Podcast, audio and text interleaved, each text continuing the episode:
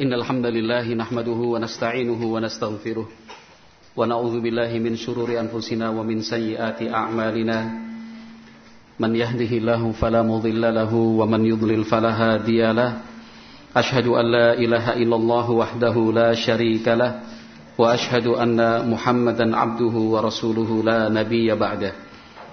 قال ربنا جل وعلا في القرآن الكريم يا أيها الذين آمنوا اتقوا الله حق تقاته ولا تموتن إلا وأنتم مسلمون فإن أصدق الحديث كتاب الله وخير الهدى هدى نبينا محمد صلى الله عليه وسلم وشر الأمور محدثاتها فإن كل محدثة بدعة وكل بدعة ضلالة وكل ضلالة في النار معاشر المسلمين والمسلمات Ikhwati fillah rahimakumullah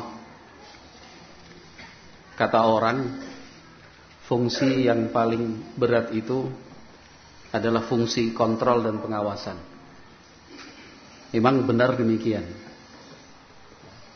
Dalam Semua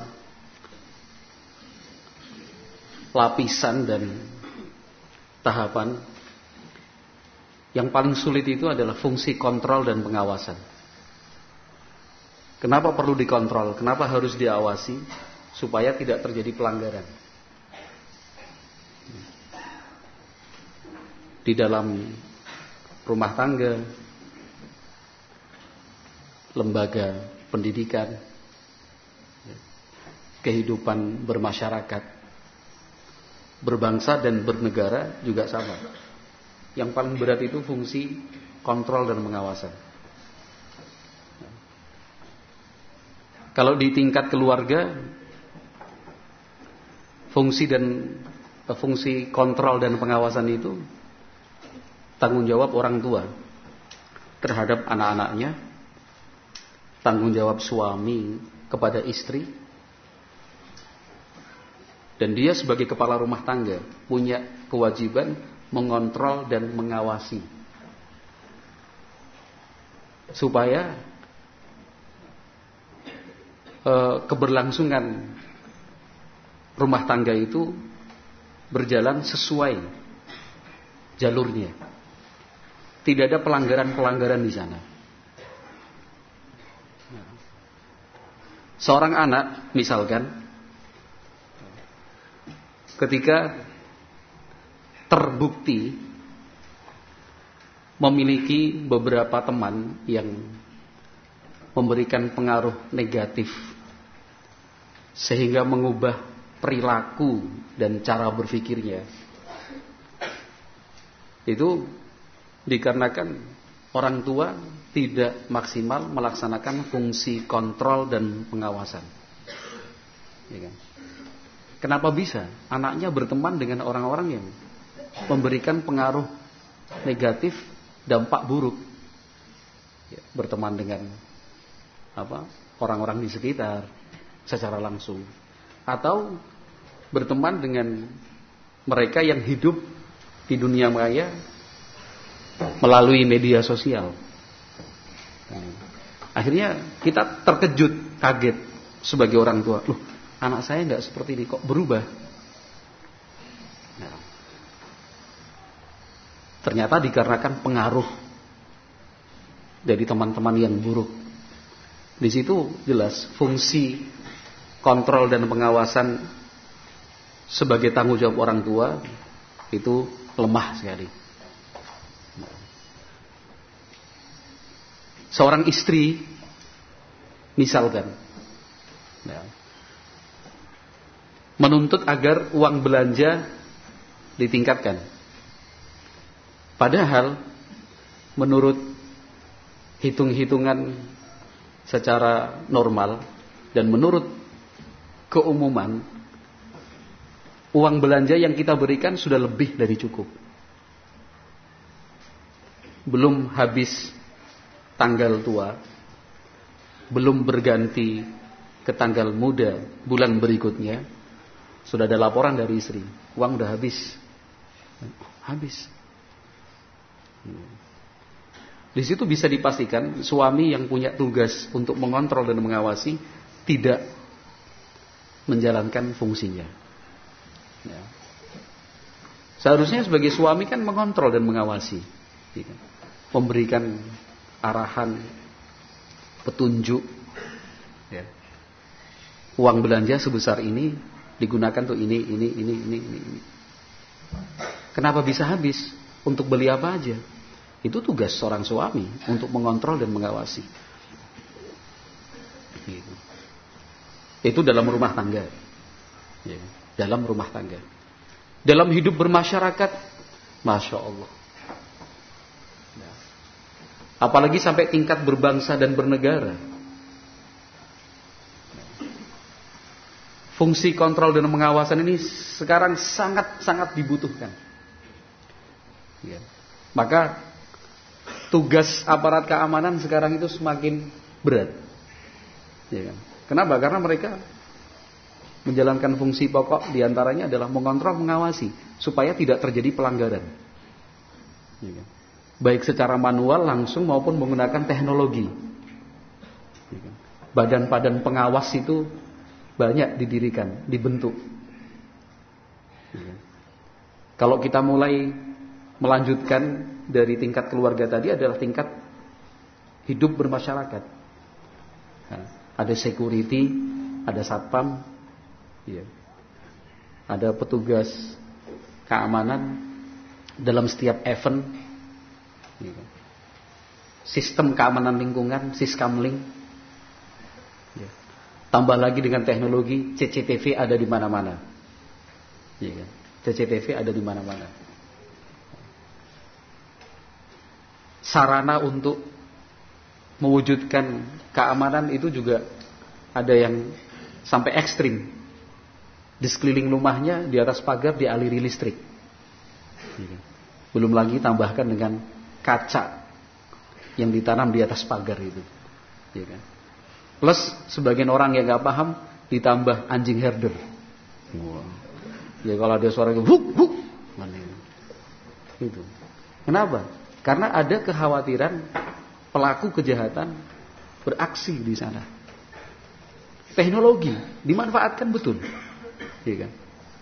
Keluar masuk sebuah ruangan, ruangan bukan cuma tanda tangan, titip KTP. Ini plus sidik jari ditinggalkan. KTP udah harus diganti dengan ID card, kartu pengenal.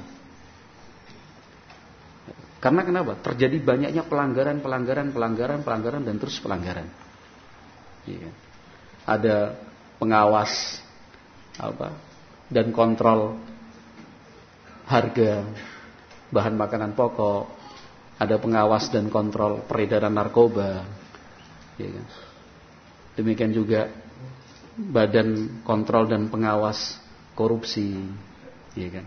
Di tiap-tiap lembaga ada bagian pengawasan. Insyaallah. Itu menghabiskan waktu, tenaga, pikiran, biaya. Ya. Sampai ada satu istilah pelaku kejahatan itu satu langkah lebih maju dibandingkan aparat yang berwenang. Padahal ikhwati fillah rahimani wa rahimakumullah Ya. Islam agama yang kita peluk dan kita yakini kebenarannya. Islam yang diajarkan oleh Nabi Muhammad sallallahu alaihi wasallam bukan hanya menawarkan tetapi sudah memberikan konsep sempurna. Konsepnya sempurna sekali. Nah. Konsep ini apabila di aplikasikan nyata dalam kehidupan sehari-hari. Nggak perlu lagi CCTV. Nggak perlu lagi security dan keamanan. Ya kan? Sampai sekarang sampai separah sekarang ini enggak. Ya fungsi-fungsi itu tetap berlaku tetap. Tapi sangat-sangat bisa diminimalkan. Sangat-sangat bisa diminimalkan. Konsep ini sudah dijalankan oleh Nabi Muhammad Shallallahu Alaihi Wasallam dan sudah dipraktekkan oleh para sahabat radhiyallahu anhum ajmain. Konsep apa? Al muraqabatu wal khawfu lillahi subhanahu wa ta'ala. Jadi kontrol pengawasan itu ditanamkan betul kepada umat bahwa Allah Subhanahu wa taala melihat mendengar apa yang kita perbuat, apa yang kita ucapkan. Nah, konsep ini sudah mulai dilupakan. Konsep ini ditinggalkan banyak orang. Padahal biayanya murah. Ya, biayanya murah.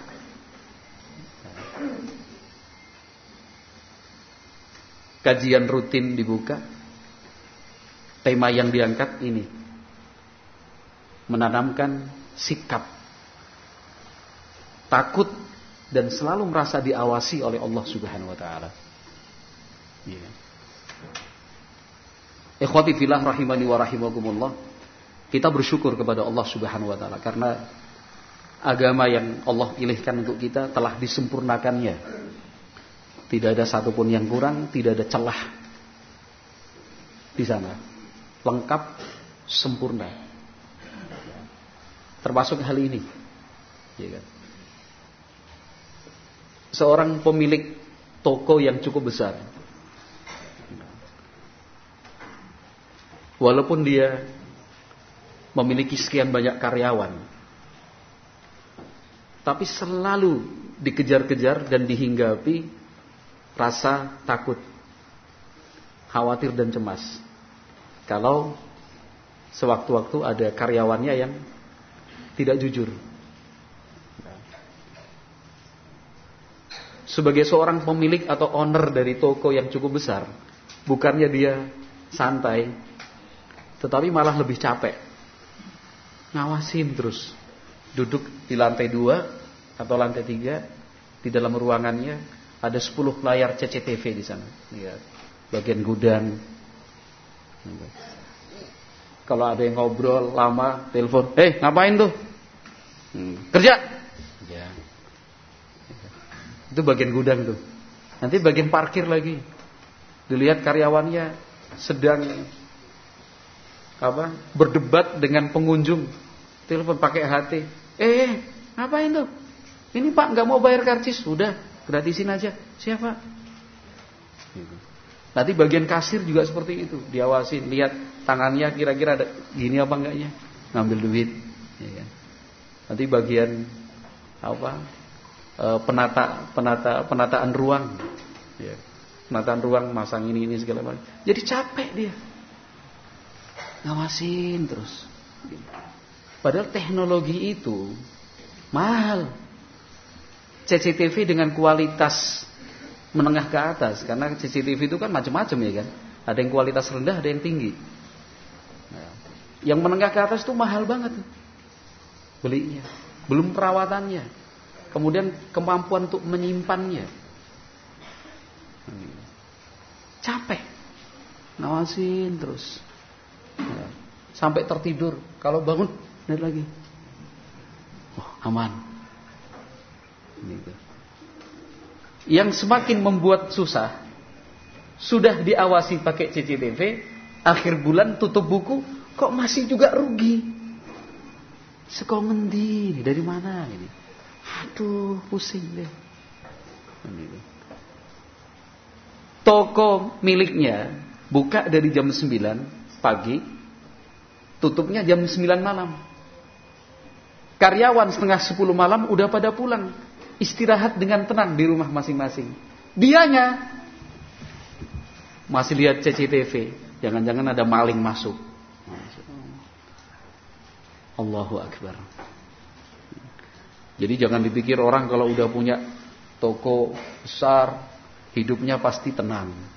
Jangan dikira kalau udah punya apa minimarket, wah ini orangnya pasti khusyuk beribadah. Oh jangan dikira malah lebih tidak tenang lagi dia.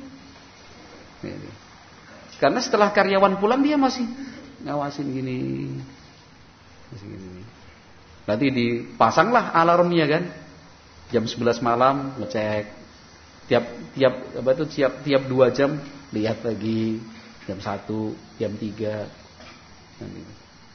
Sebelum subuh udah bangun, bukan sholat, ngecek. Itu kenapa? Fungsi kontrol dan pengawasannya itu. Ya, itu biaya mahal, Mas. Ya. Modalnya cukup besar. Nah, seperti juga dalam lingkungan pengawasan supaya tidak terjadi pelanggaran. Masya Allah. Agama kita sudah sempurna. Agama kita, ya, agama kita memberikan solusi dan jalan keluar yang paling mudah, murah. Ya. Pendidikan-pendidikan seperti ini, menyampaikan ayat-ayat Al-Quran, hadis-hadis Nabi Muhammad Shallallahu Alaihi Wasallam, ditanamkan betul-betul rasa takwa kepada Allah Subhanahu Wa Taala, takut kepadanya, ditanamkan betul bahwa semua gerak-gerik kita bahkan wataqallubaka fis sajidin gerak tubuhmu ketika sujud itu Allah melihat dan Allah mengetahui. Jangankan yang engkau tampakkan, yang engkau sembunyikan pun Allah Maha tahu. Jangankan yang engkau simpan di dalam hati. Jangankan yang engkau ucapkan, yang tersimpan di dalam hati dan belum engkau ucapkan, Allah Maha tahu. Rasulullah Shallallahu Alaihi Wasallam dahulu ini serius sekali menanamkan sikap-sikap demikian kepada sahabat-sahabatnya, sehingga pelanggaran di zaman Nabi Muhammad SAW minim. Kita tidak bisa mengatakan nol atau tidak ada pelanggaran di sana, ada, tetapi sangat minim sekali, minim sekali. sebagai ahlu sunnah salafiyin. Kita menjadi yang paling berhak untuk menggali dan menghidupkan lagi ajaran Islam, petunjuk Nabi Muhammad alaihi salatu wasallam tentang fungsi kontrol dan pengawasan ini. Ya, fungsi kontrol dan pengawasan ini. Kita mulai dari tingkat keluarga. Kalau ingin lebih dari itu, kita lanjutkan di tingkat pendidikan di pondok pesantren yang kita kelola. Kalau mau diperlebar lagi di lingkungan kita kerja, itu sudah masya Allah. Manfaatnya luar biasa, terasa sekali. Di tingkat keluarga seperti itu, anak-anak kita didik. Untuk selalu ingat bahwa apa pun yang dia perbuat, segala yang dia lakukan itu di dalam pengawasan Allah Subhanahu wa taala. Kita tanamkan kepada anak-anak bahkan juga kepada kita sendiri bahwa sekecil apa pun perbuatan buruk yang dilakukan Allah Subhanahu wa taala akan membalasnya. Seringan apa pun perbuatan baik yang dikerjakan Allah Subhanahu wa taala akan memberikan pahala untuknya. Ya. Ayat dan hadis mengenai ini sangat banyak. Ya kan? Di lembaga pendidikan pondok pesantren juga seperti itu. Nah. Kalau sampai pada tingkatan yang parah, adanya pelanggaran, pelanggaran, pelanggaran, pelanggaran, pelanggaran. Ya kan? Aneka ragam pelanggaran. Oh, iya. Yang antum yang bilang. Saya mohon pada Iwa untuk segera merapat ke depan masih celah-celah yang kosong banyak, banyak celah-celah kosong untuk memberikan tempat kepada saudara-saudara kita yang baru datang. Qadarullah tempatnya tidak muat. Sekali lagi kami harapkan kerjasamanya untuk segera maju mengisi tempat-tempat kosong di depan. Karena masih banyak saudara-saudara kita yang baru datang tidak kebagian tempat duduk. Jazakumullah khairan.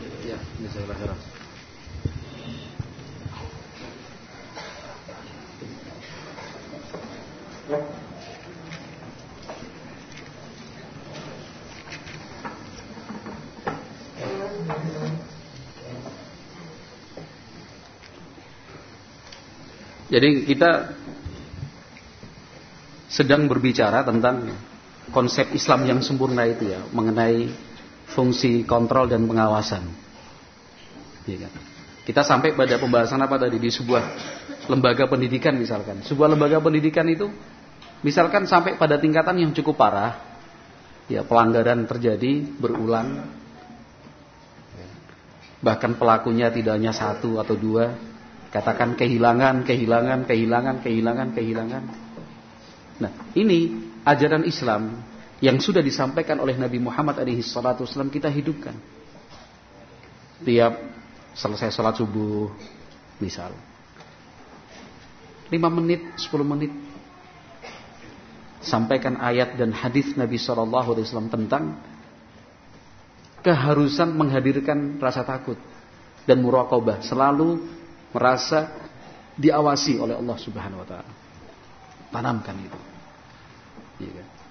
Sebelum tidur, ba'da isya misalkan di tiap-tiap kamar, tiap kelas ada nasihat sebelum tidur.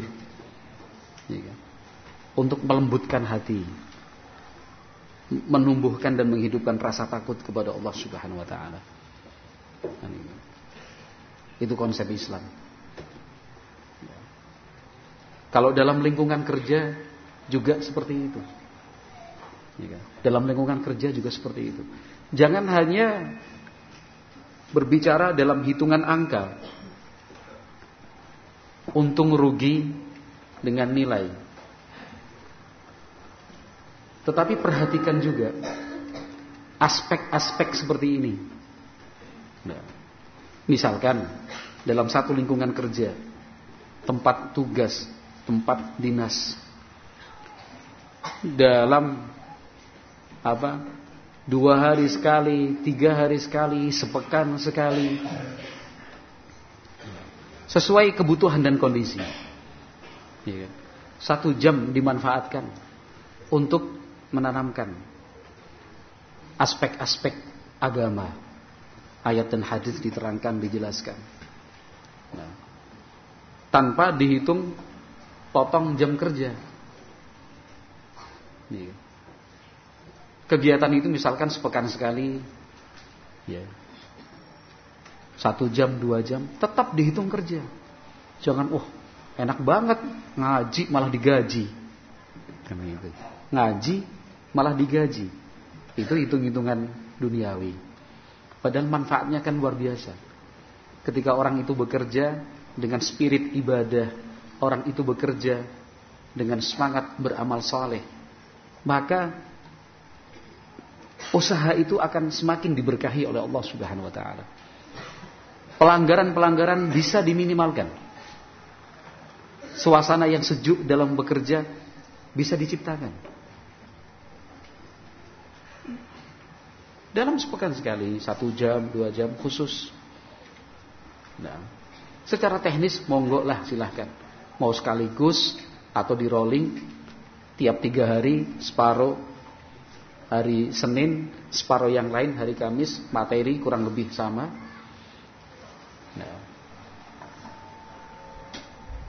supaya tidak kering tidak gersang cuma mencari untung mencari laba bukan. Di tengah-tengah keluarga yang seperti ini perlu kita tanamkan. Sehingga ikhwati fillah rahimani wa rahimakumullah apa yang telah disampaikan oleh Nabi Muhammad alaihi salatu wasallam bagi kita sudah lebih dari cukup. Nah, tema yang kita angkat pada kesempatan kali ini terbilang berat.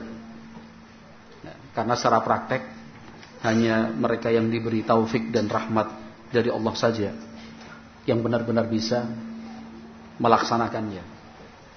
Namun minimal minimal. Harapannya dengan kajian seperti ini bisa mengurangi bisa mengurangi kesalahan-kesalahan yang diperbuat, bisa mengurangi pelanggaran-pelanggaran yang kita lakukan. Minimalnya bisa menambah walaupun sedikit semangat untuk beribadah, semangat untuk meraih surga dari Allah Subhanahu wa taala. Ikhwati fillah rahimani wa rahimakumullah. Di dalam kitab Riyadhus Salihin, Al-Imam An-Nawawi rahimahullahu taala pada bab yang ke-50 itu menyebutkan beberapa ayat Al-Qur'an dan hadis-hadis Nabi Muhammad alaihi salatu wasallam tentang al-khauf. Al-khauf itu sikap takut kepada Allah Subhanahu wa taala. Pembahasan ini sekali lagi penting. Karena akan membantu kita menjalankan fungsi kontrol dan pengawasan tadi. Di antara ayat yang disebutkan Allah Subhanahu wa taala di dalam Al-Qur'anul Karim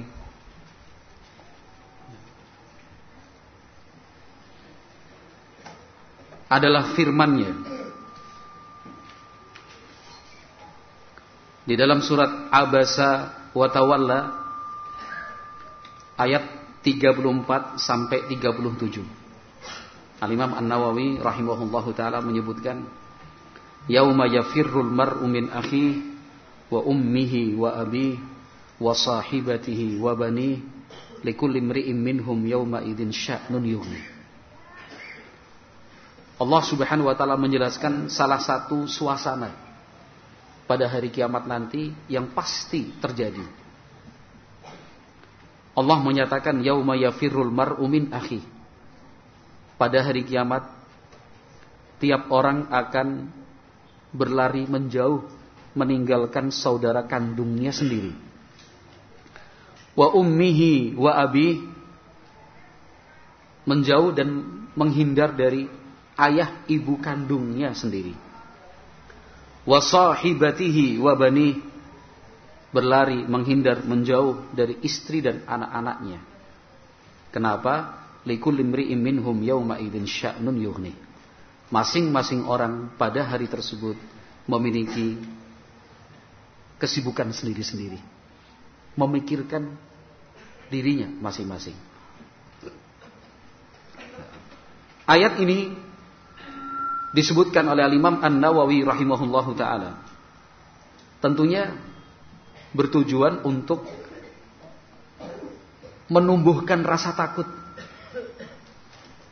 Rasa takut kita kepada Allah Subhanahu wa taala. Menumbuhkan rasa takut kita terhadap dahsyatnya hari kiamat. Neraka yang sangat mengerikan siksa dan hukuman dari Allah yang begitu menakutkan. Dahsyatnya tak bisa terbayangkan. Sampai-sampai digambarkan di sini melalui ayat-ayat ini bahwa orang sudah tidak peduli lagi dengan siapa pun. Yang paling dekat hubungannya sekalipun dia saudara kandungnya, ayah dan ibunya, istri dan anak-anaknya. Dia tidak peduli lagi dengan mereka. Allah Subhanahu wa taala menyebutkan orang-orang yang punya kedekatan. Istri, anak, bapak, ibu, saudara kandung. Mereka-mereka yang selama di dunia secara fitrah manusia pasti akan membela bahkan rela berkorban. Apa pun resikonya siap melakukan apa saja demi anak, demi istri, demi bapak, demi ibu, demi saudara. Rela mati bahkan. Rela bertukar tempat. Rela menyumbangkan nyawa. Itu di dunia. Rela susah asalkan saudaranya senang. Rela menderita asalkan orang tuanya bahagia rela kehilangan apa pun asalkan anaknya bisa tertawa. Itu kan di dunia. Dalam kondisi yang paling sulit sekalipun, mana bisa kita melupakan orang tua? Dalam keadaan susah sekalipun sebagai orang tua, mana mungkin kita akan mengorbankan anak? Tetapi pada hari kiamat, begitu dahsyatnya hari itu, Orang sudah tidak peduli lagi dengan bapak ibunya. Gak peduli lagi dengan istri dan anaknya. Gak peduli lagi dengan kakak dan adiknya. Masing-masing memikirkan diri sendiri. Memikirkan dirinya sendiri. Dahsyat. Karena pada hari itu masing-masing orang harus mempertanggungjawabkan apa yang telah dia perbuat dalam hidupnya.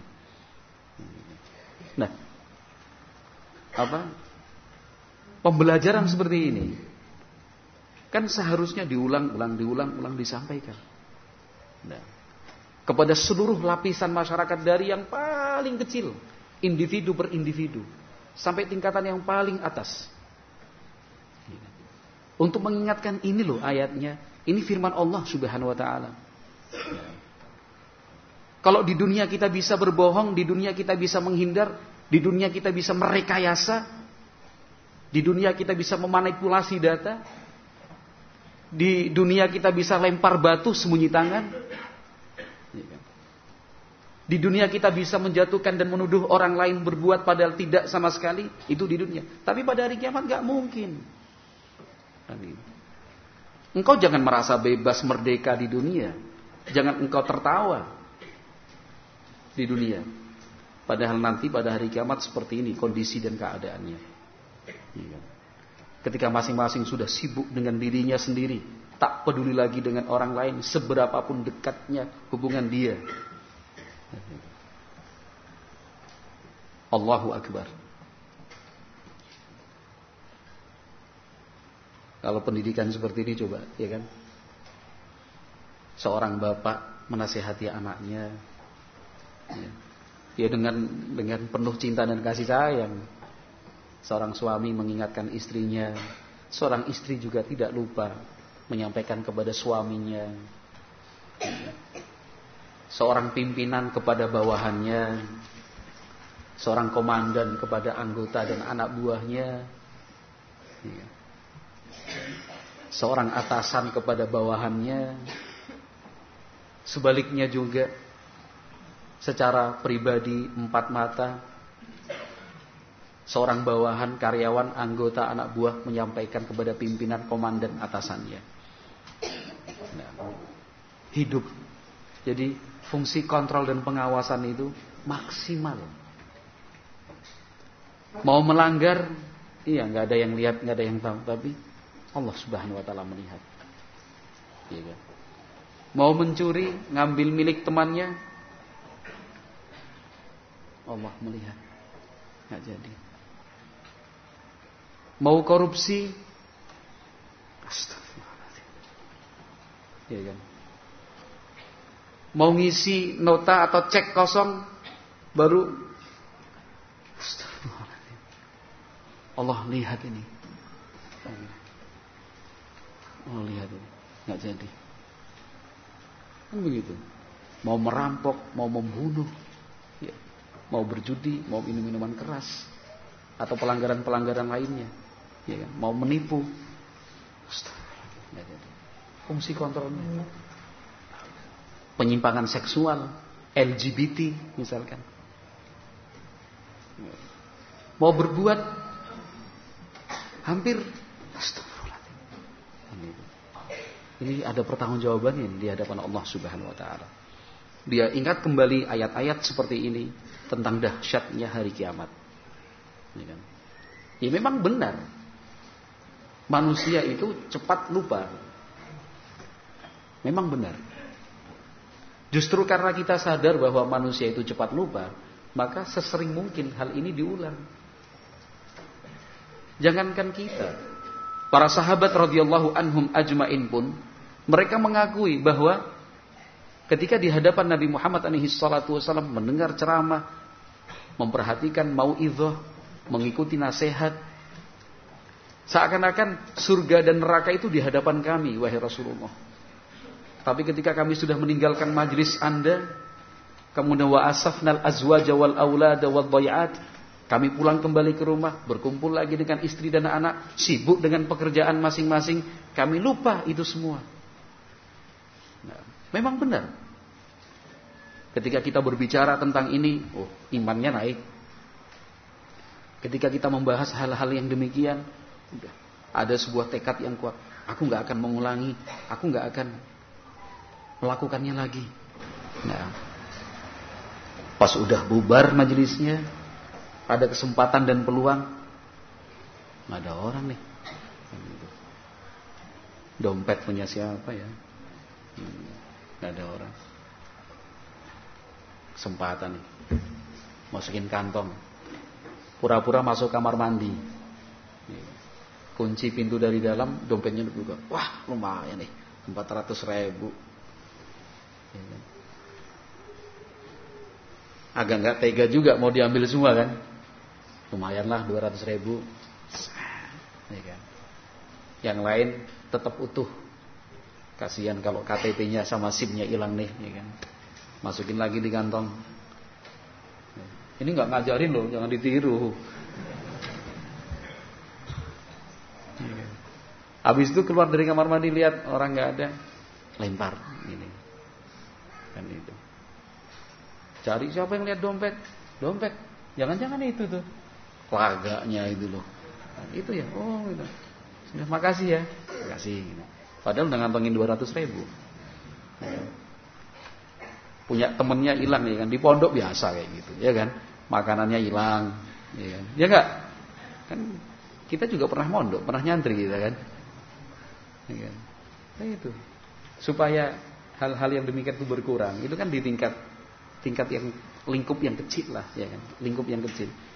Ya, ketika hal-hal seperti ini kita tanamkan betul ya kan, tiap pagi katakan atau dua pagi sekali atau tiga pagi sekali, tiga malam sekali, dua malam sekali, khusus taklim dan kajiannya mengenai al khawf wal muraqabatu lillahi ta'ala. Takut dan selalu merasa diawasi oleh Allah Subhanahu wa taala. Ya kan? Berikutnya Imam An-Nawawi rahimahullahu taala menyebutkan firman Allah Subhanahu wa taala, "Ya ayuhan nas, ittaqu rabbakum inna zalzalatas saati syai'un azim." Yauma tarawunaha tadhhalu kullu murdi'atin amma arda'at wa tadha'u kullu dhati hamlin hamlaha wa tara sukara wa ma hum bisukara walakinna adzaballahi syadid. Surat Al-Hajj ayat 1 dan 2. Allah berfirman, "Wahai umat manusia, bertakwalah kalian kepada Allah Subhanahu wa taala. Takutlah kalian kepada Allah. Sungguh goncangan hari kiamat itu sangat mengerikan." Pada hari tersebut kalian akan menyaksikan seorang ibu yang sedang menyusui lupa kepada anaknya, bayi yang sedang dia susui. Akan lari. Bayinya, anaknya dia tinggal. Wa tad'u kullu dzati hamlin hamlaha. Seorang wanita yang sedang hamil mengalami keguguran. Kenapa? Saking dahsyatnya. Wataronasa sukaro, engkau akan melihat menyaksikan orang-orang itu seperti mabuk sempoyongan. Wamahum bisukaro, mereka tidak mabuk. Walakinna azaballahi syadid, tetapi azab Allah itu memang sangat dahsyat.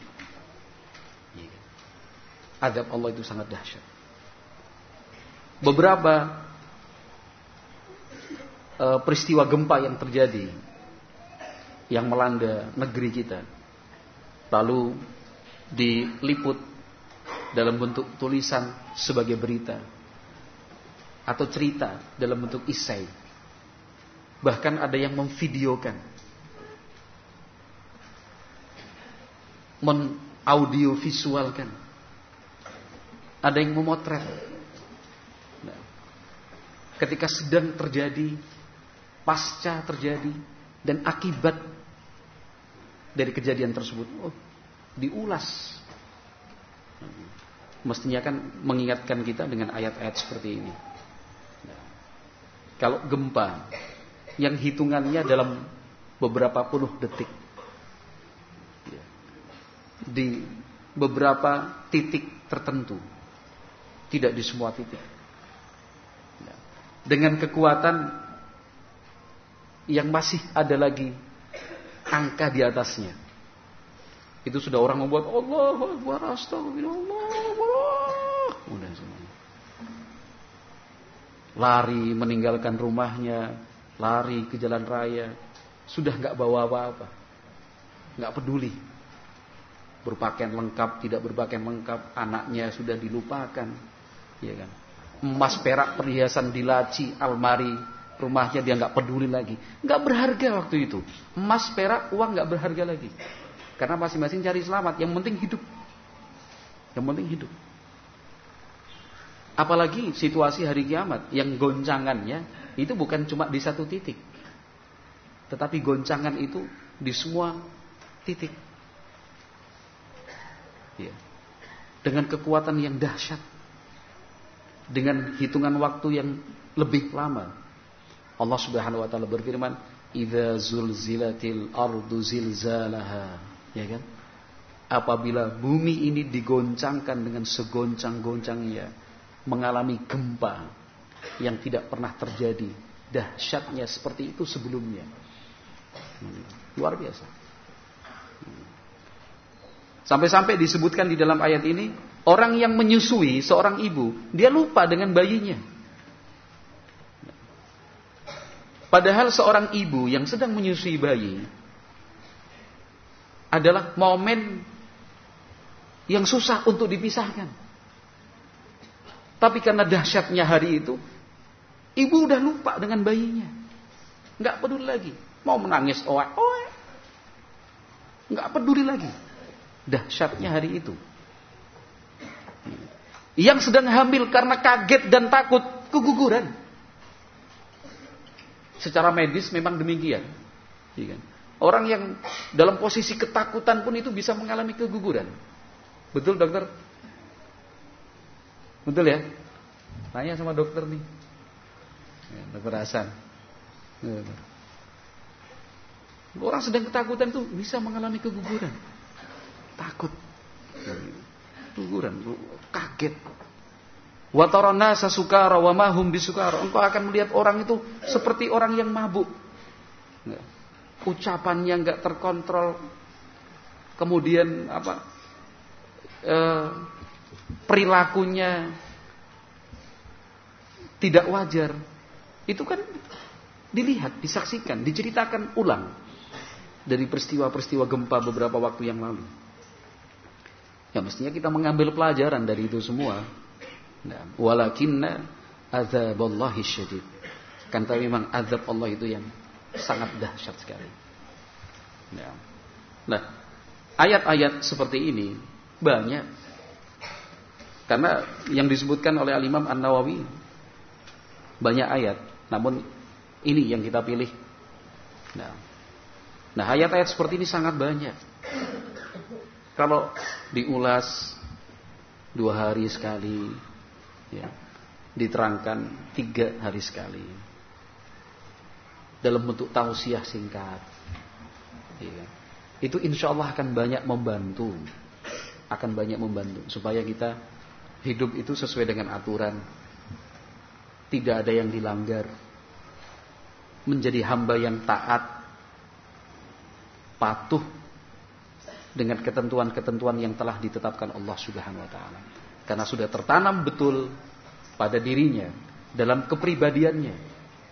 Tertanam betul rasa takut kepada Allah Subhanahu wa taala. Adapun hadis-hadis yang disebutkan oleh Imam An-Nawawi rahimahullahu taala lebih banyak dari ayat yang beliau sebutkan. Nah, Di antaranya adalah hadis yang diriwayatkan oleh Imam Al-Bukhari dan Muslim dari An-Nu'man bin Bashir. Beliau mengatakan sami'tu Rasulullah sallallahu alaihi wasallam yaqul, aku pernah mendengar Rasulullah sallallahu alaihi wasallam bersabda, "Inna ahwana ahli nari adzaban yaumal qiyamati la rajulun yudha'u fi akhmasi qadamaihi jamratani yagli minhuma dimaghuhu. Ma yara anna ahadan ashaddu minhu adzaban wa innahu la ahwanuhum adzaban." Nabi Muhammad alaihi salam bersabda, sungguh penduduk neraka yang paling ringan siksanya pada hari kiamat adalah seseorang yang dipakaikan untuknya sandal atau alas kaki dalam bentuk dua bara api. Otaknya meleleh karena saking panasnya. Dia pakai sandal dari api. Ya kan? Dari api neraka. Otaknya meleleh. Ma yara anna ahadan asyaddu minhu adzaban. Dia menyangka tidak ada orang yang lebih dahsyat siksanya dibandingkan dia. Dia merasa udah paling berat ini siksanya. Dia beranggapan bahwa yang dia alami itu udah yang paling berat. Kata Nabi Muhammad SAW, wa innahu la ahwanuhum azaban. Padahal yang dia alami adalah siksa yang paling ringan di antara para penduduk neraka. Itu siksa yang paling ringan. Sehingga tidak boleh seorang hamba lalu meremehkan perbuatan dosa sekecil apa pun itu. Karena kalau sudah dimasukkan ke dalam neraka untuk membersihkan dosa-dosanya yang paling ringan seperti ini. Yang paling ringan seperti ini. Pakai sandal dari api yang mendidih otaknya. Saking panasnya itu. Bagaimana dengan anggota tubuh yang lain? Dan itu tidak sehari dua hari. Dalam rentang waktu yang cukup lama dibandingkan hari-hari kita di dunia. Ya kan? Akibat dari perbuatan dia sendiri. Bukan perbuatan orang. Itu adalah tanggung jawabnya sendiri. Bukan kemudian beban orang lain ditimpakan padanya. Ikhwati fillah rahimani wa rahimakumullah. Sebelum kita lanjutkan, masih sebatas dua ayat dan satu hadis ini. Ya. Kalau misalkan itu di, disampaikan secara bijak, ya, di share, disebarkan dengan kata-kata yang sopan. Mudah-mudahan bisa menjadi usaha bagian dari usaha kita untuk untuk menghidupkan fungsi kontrol dan pengawasan. Ya kan? Anda sebagai orang tua, ya kan? ketika berangkat mengantar anak ke pondok untuk belajar agama. Sesampainya di pondok, pegang pundaknya. Sebagaimana Nabi Muhammad alaihi salatu wasallam pernah memegang pundak sahabatnya ketika ingin memberikan nasihat. Nak, Abi cuma pesan satu. Selama kamu belajar dari pagi sampai sore, baik-baiklah engkau di sana. Jangan melanggar peraturan. Jangan berbuat dosa. Ingat, neraka itu panas. Ingat bahwa hukuman yang Allah ancamkan itu sangat menakutkan. Sangat menakutkan. Jadi kalau Abi marah, Abi mengikop, Abi menghukum, kalau kamu salah, itu karena sayangnya Abi kepada kamu. Kamu harus ingat, siksa yang paling ringan di neraka itu pakai sandal, nak. Sandal itu terbuat berasal dari api, kalau dipakai otaknya mendidih. Panas sekali. Abi nggak mau. Anaknya Abi seperti itu. Jadi baik-baiklah engkau di sana. Kan begitu, tertanam betul. Tapi coba Barakallahu fikum. Coba kita akui saja. Sampai anak kita berapa biji? Ya kok berapa biji? Sampai anak kita berapa selusin atau setengah lusin? Yang laki-laki, yang perempuan. Sampai anak kita sudah usia remaja. Coba jawab pertanyaan saya. Apa pernah? Apa pernah? Sebagai orang tua mengajak bicara anaknya tentang neraka dan siksanya? Ya jawabannya masing-masing ya. Nggak usah ditulis pakai kertas, nggak usah. Apa pernah? Ya wajar dong. Sangat masuk akal. Ketika kemudian anak-anak kita melakukan pelanggaran. Kenapa?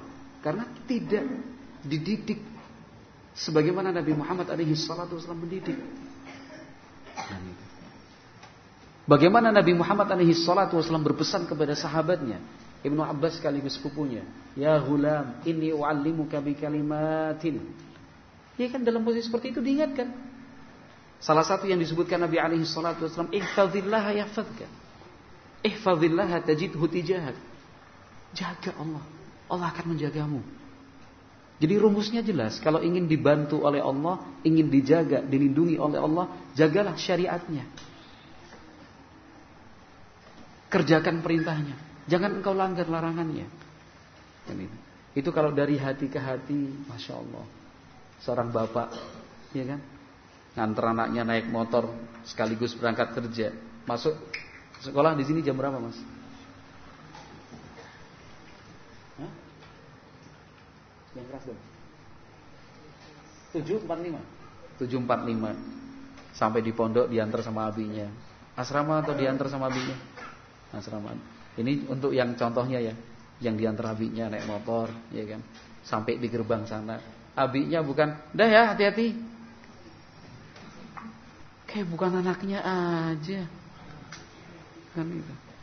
Perhatian kita itu Itu kasih sayang kita sebagai orang tua kepada anak mana? Bukan naik motor Hati-hati ya Nanti Abi jemput. Ya Allah, anakmu mas, anakmu itu ladang pahalamu. Jangan dingin gitu dong. Anak turun dari motor, kita juga turun dari motor. Helm dilepas, iya kan? Pasang apa letakkan di atas jok atau di atas spion, iya kan? Helm dilepas. Anak kita sambil berdiri karena usianya masih 7, 8, 9 tahun. Kita duduk sambil berlutut, kedua lutut kita di atas tanah. Pegang pundaknya, Le. Kan gitu. Momen yang sangat indah sekali kalau kayak gini. Pernah enggak seperti itu?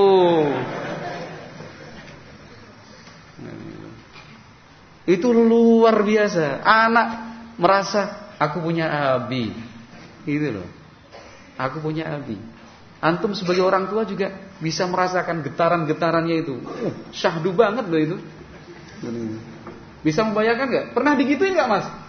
Nanya nih, pernah digituin nggak santri-santri? Pernah digituin nggak sama abinya? Nggak usah dijawab. Yang jawab abinya.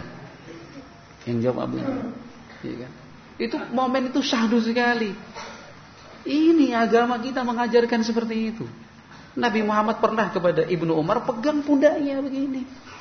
Kun fid dunya ka'annaka gharibun au abiru sabil.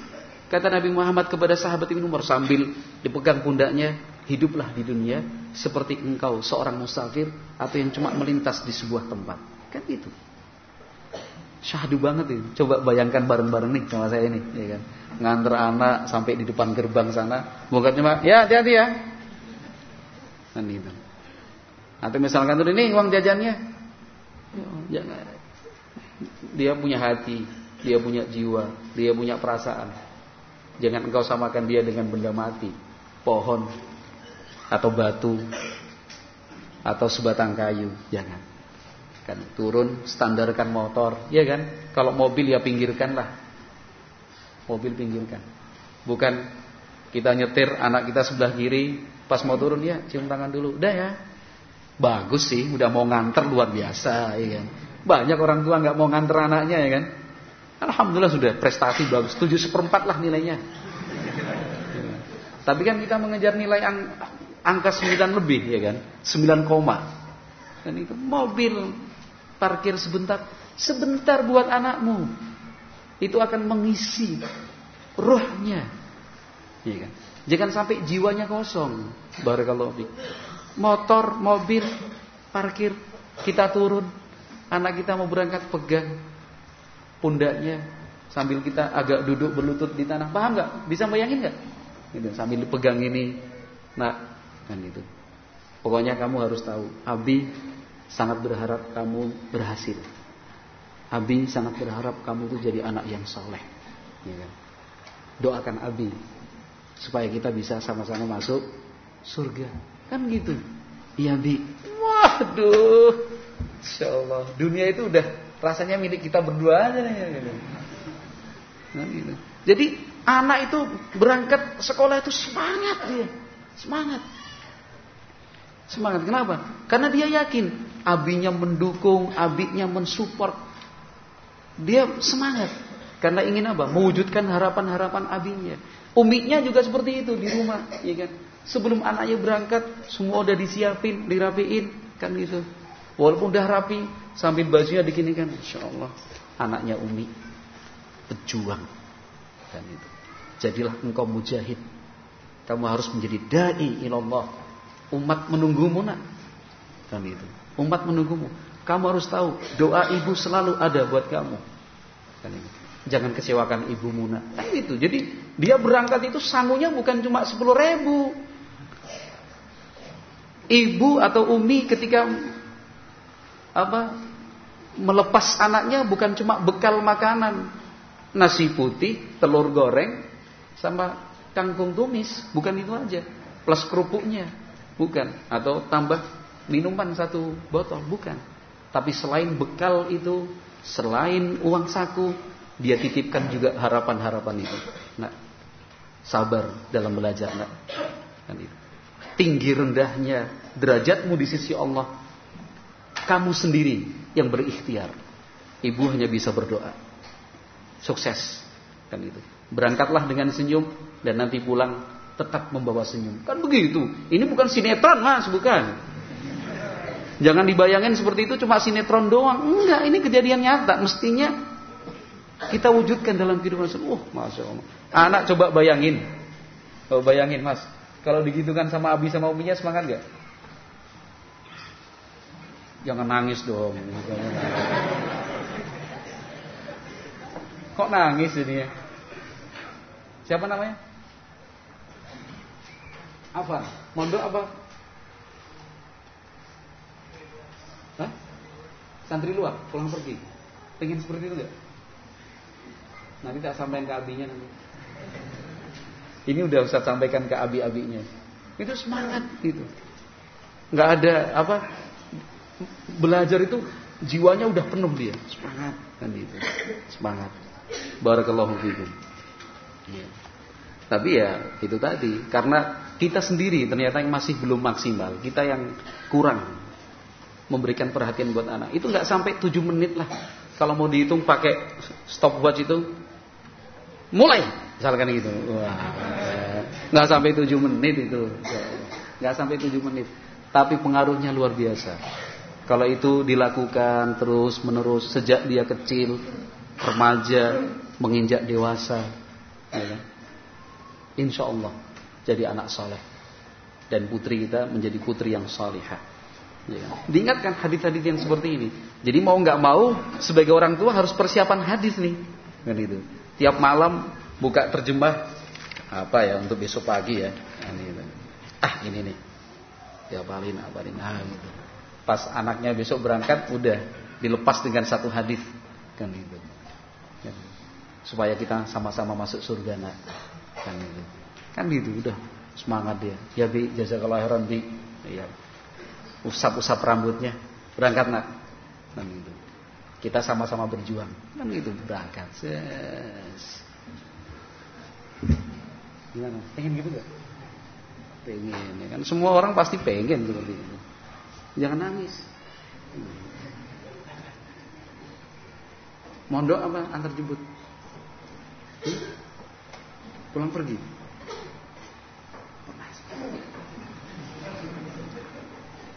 Di antara abinya terus dilepas dengan doa. Ini nasihat buat kita bersama ya kan supaya apa? Itu tadi kontrol apa fungsi kontrol pengawasan kita mudah. Jangan sampai memberi perhatian kepada anak setelah anak berkasus. Ya Allah. Jangan menunggu anak berkasus. Baru kita ini gimana ya? Bagi waktu, perhatian, segala macam. Nah, hadis-hadis yang seperti ini perlu kita hafalkan. Kemudian Nabi Muhammad alaihi salatu wassalam beliau pernah bersabda dari Anas bin Malik radhiyallahu taala anhu riwayat Bukhari Muslim kata Anas khatabana Rasulullah sallallahu alaihi wasallam khutbatan ma sami'tu mithlaha qat law ta'lamuna ma a'lamu la dhahiktum qalilan wa la bakaitum katsiran faghatta ashabu Rasulillah sallallahu alaihi wasallam wujuhahum walahum khaninun. Kata Anas bin Malik radhiyallahu anhu Nabi Muhammad alaihi salatu wassalam pernah menyampaikan khutbah untuk kami tidak pernah saya mendengar beliau berkhutbah seperti itu sebelumnya. Sangat mengena. Ya. Kata Nabi Muhammad alaihi salatu wassalam dalam lafaz yang lain ditambahkan uridat alayyal jannatu wan nar. Surga dan neraka itu ditampakkan kepadaku surga dan neraka ditampakkan kepadaku.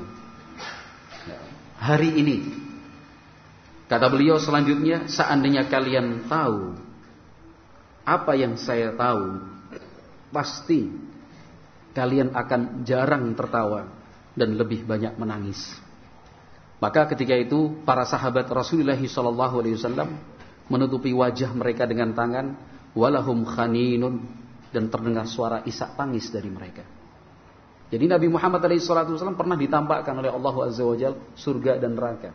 Maka Nabi mengatakan kalau kalian tahu seperti yang saya tahu, kalian gak akan mungkin banyak tertawa. Lebih sering menangis kata Nabi Muhammad SAW. Kenapa? Ya karena neraka itu mengerikan dan surga itu sangat menyenangkan. Nah, sementara apa yang kita lakukan selama ini untuk mengejar surga masih perlu ditambah lagi semangatnya untuk terhindar dari siksa neraka. Kita masih terlalu sering ya bermain-main dengan dosa. Nabi Muhammad alaihi salatu wasallam bersabda di dalam hadis Al-Miqdad Ibn Al-Aswad radhiyallahu anhu tudna syamsu yaumal qiyamati minal khalqi hatta takuna minhum kamikdari milin. Fawallahi qala al-miqdad fawallahi ma adri ma ya'ni bil mil amasafatal arda amasafatal ardi amil mil alladhi tuktahalu bihil ain. Kata Nabi Muhammad alaihi salatu salam hari kiamat nanti matahari akan didekatkan di atas kepala manusia sampai jaraknya satu mil. Kata perawi, demi Allah saya tidak tahu yang dimaksud oleh Nabi. Satu mil itu jarak perjalanan ataukah mil stick yang digunakan untuk bercelak. Jadi kalau celak itu kan ada botol kecil begini, ya kan. Kemudian ada sticknya, kayak tongkat kecil itu stick, dimasukkan gini, tarik, terus dilelatkan gini. Kata perawi dari Al-Miqdad Ibn Al-Aswad, demi Allah saya tidak tahu. Yang dimaksud Nabi itu satu mil perjalanan. Ya. Satu mil perjalanan pun sudah dekat. Atau satu mil cuma segini aja. Didekatkan di atas kepala. Kata Nabi Shallallahu Alaihi Wasallam, "Fayakunun nasu ala qadri a'malihim fil araki." Maka masing-masing orang pada hari itu sesuai dengan kadar amal perbuatannya. Dalam hal apa? Keringat. Matahari didekatkan. Panasnya luar biasa. Berkeringat orang. Keringat yang keluar atau bercucuran itu ya tergantung amal perbuatannya. Faminhum man yakunu ila ka'bai. Ada yang keringatnya itu sampai di atas mata kaki. Wa minhum man yakunu ila rukbatai ada juga yang keringatnya itu bercucuran banyak sampai di betis. Wa minhum man yakunu ila haqwai. Ada yang keringatnya itu sampai di pinggang sini. Wa minhum man yuljimuhul araqa iljaman. Bahkan ada yang kemudian tenggelam oleh keringat. Ini situasi hari kiamat berbeda dengan di dunia. Kalau di dunia yang namanya benda cair akan selalu rata. Yang tinggi turun ke bawah. Tapi kalau hari kiamat Allah maha mampu. Ya, yang ini tingginya sekian, yang ini tingginya sekian, ini tingginya sekian, ada yang tenggelam. Hari kiamat. Wa asyara Rasulullah sallallahu alaihi wasallam biyadihi ila fihi. Dan ketika itu Nabi Muhammad alaihi salatu wasallam memberikan isyarat sampai di mulut. Artinya apa? Ada yang ditenggelamkan oleh keringat itu sampai di sini. Dahsyat, mengerikan dan sangat sangat menakutkan. Nah, sangat-sangat menakutkan. Lalu apa yang harus kita persiapkan? Kalau kita sudah apa? mengerti, meyakini dan beriman dengan situasi dan peristiwa-peristiwa seperti ini. Lalu apa yang bisa kita lakukan? Nabi Muhammad alaihi salatu wasallam sudah memberikan arahan. Di dalam hadis Adi bin Hatim radhiyallahu anhu, riwayat Bukhari Muslim, Nabi Muhammad alaihi salatu wasallam bersabda, ma minkum min ahadin illa sayukallimuhu rabbuhu laisa bainahu wa bainahu tarjuman. Fayanzuru aymana minhu fala yara illa ma qaddam wa yanzuru ash'ama minhu fala yara illa ma qaddam wa yanzuru baina yadayhi fala yara illa an-nar tilqa'a fattakun nara walau tamratin kata Nabi Muhammad alaihi salatu wasalam tidak ada seorang pun dari kalian kecuali akan diajak berbicara langsung dengan Allah Subhanahu wa taala tanpa penterjemah antara dia dengan Allah langsung dia semua kita, masing-masing kita dengan Allah Subhanahu wa taala. Tidak ada pihak ketiga tanpa perantara, tanpa penterjemah. Fayanzuru aymana minhu, dia lihat sebelah kanan. Apa yang dia lihat tidak ada kecuali amal perbuatannya sendiri. Dia lihat sebelah kiri, apa yang dia saksikan tidak ada yang dia saksikan kecuali amal perbuatan yang sudah dia lakukan. Dia lihat ke depan, ternyata di hadapannya neraka yang menyala-nyala. Dahsyat ini, menakutkan sekali. Maka di akhir hadis Nabi Muhammad wasallam bersabda, "Fattakun nara walau bisyikki tamrah." Takutlah kamu kalian terhadap neraka. Lindungi dirimu dari siksa neraka dengan bersedekah walau bisyikki tamrah. Walaupun hanya secuil kurma. Ini yang bisa kita lakukan sekarang. Ini yang bisa kita lakukan sekarang. Jadi bermula dari siapa? Lagi-lagi dari orang tua. Startnya dari mana? Ya tidak ada garis start kecuali dari rumah sendiri. Dari rumah tangga kita.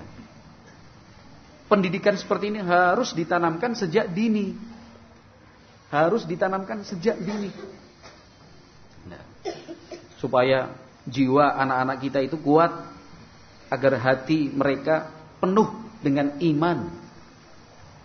Nah. Kita ingatkan mereka tentang neraka, kita ingatkan mereka tentang siksa, kita ingatkan mereka tentang tanggung jawab atas perbuatannya selama hidup di dunia, kita ingatkan. Tetapi sekaligus kita bimbing anak-anak kita, kita arahkan adik-adik kita kita beri petunjuk murid-murid kita untuk ini jalan keluarnya, nih solusinya. Dengan apa? Berinfak dan bersedekah walau bisyik kita merah. Meskipun secuil kurma. Sekali lagi penerapannya justru dari rumah tangga, dari orang tua. Dari orang tua. Nah, saya masih ingat kalau bapak saya dulu, rahimahullah. Kalau udah sholat Jumat, sebelum berangkat, Dikumpulin kita anak-anaknya. Bapak udah ngasih duit seribu-seribu. Padahal zaman dulu seribu lumayan besar kan. Seribu, seribu, seribu. Pesannya nanti dimasukin di kota infak. Itu pendidikan. Pendidikan islami seperti itu. Nah, kalau kita bayangannya seperti apa? Nganter anak ke pondok. Ya. Pondok Bojong ya kan Riyadul Jannah berangkat. Di rumah kan sarapan dulu, di rumah sarapan dulu. Beli kertas minyak. Tahu kertas minyak ya? Untuk bungkus makanan itu. Beli plastik. Ukuran berapa lah? Seperempat atau apa. Yang kita makan hari itu pesen sama istri. Jangan lupa buat satu nasi bungkus. Nggak akan mengurangi pengeluaran. Pokoknya nggak akan menambah pengeluaran. Iya kan? tidak akan mengurangi rezeki seperti itu. Karena sering kali kita masak sisa. Begitu enggak? Seringkali kita masak itu sisa. Dimasak pagi, sore udah nggak mau kita makan. Ya kan? Mintanya yang baru, yang fresh, yang seger. Gitu. Maka dari awal sudahlah. Kertas minyak sebelum anak-anak berangkat dibuatkan nasi bungkus satu dua anak kita berapa anak kita satu anak kita dua Mungkin karena kita sendiri tidak mampu, ya udahlah tiap pagi satu bungkus. Kita antar sekolah sambil perhatian. Tuh, ada tukang becak kelihatan apa? Melamun gini di pojok. Ya kan? Kita berhenti bilang sama anak kita, "Nak, nih nasi bungkus." Nasi bungkus kasihkan ke tukang becak sana itu. Abi tunggu dari sini. Kan pendidikan itu namanya. Mudah-mudahan kita bisa menyelamatkan diri dari siksa neraka dengan bersedekah seperti ini.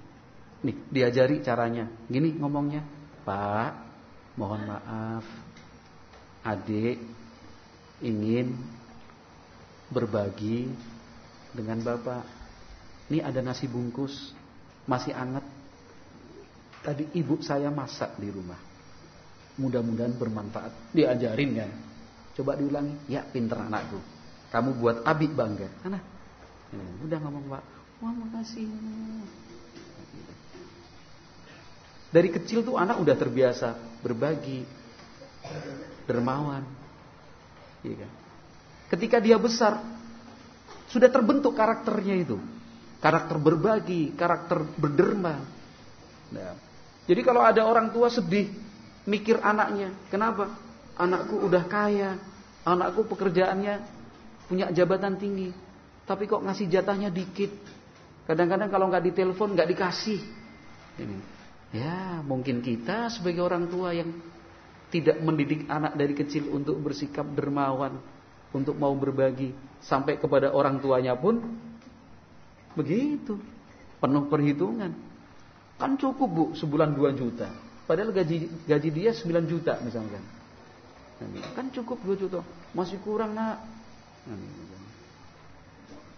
Dihitung sama anak, ya 2 juta harusnya ini. Insya. Pengorbanan orang tua untuk kita lebih dari nilai apa pun yang bisa kita berikan. Tapi yang saya maksud pendidikan seperti itu. Ittaqunar walau bisyiki tamrah.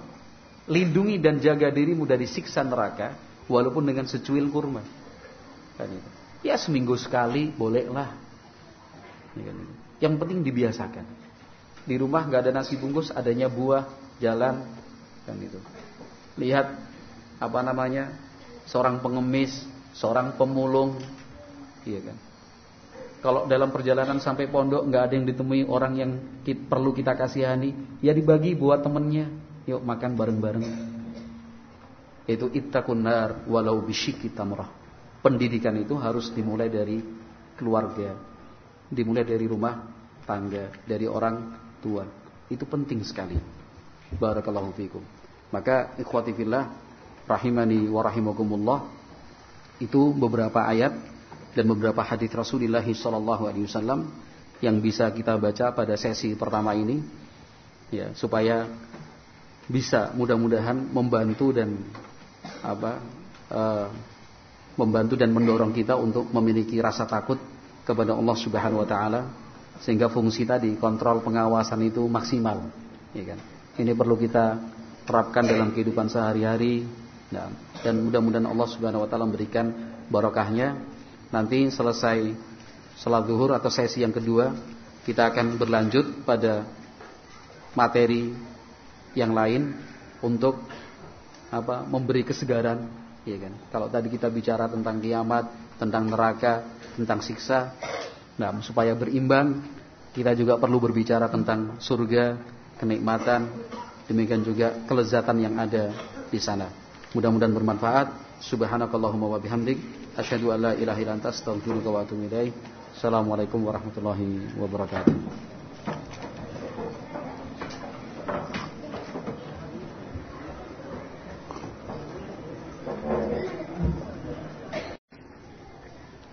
Bismillahirrahmanirrahim. Alhamdulillah. Wassalatu wassalamu ala Rasulillah wa ala alihi wa sahbihi wa man wala. Qala Rabbuna jalla wa ala fil Qur'anil Karim Ya ayyuhalladzina amanu taqullaha haqqa tuqatih wa la tamutunna illa wa antum muslimun. Fa inna asdaqal hadithi kitabullah wa khairal huda huda nabiyyina Muhammadin sallallahu alaihi wasallam وشر الأمور محدثاتها فإن كل محدثة بدعة وكل بدعة ضلالة وكل ضلالة في النار إخوتي في الله رحمكم الله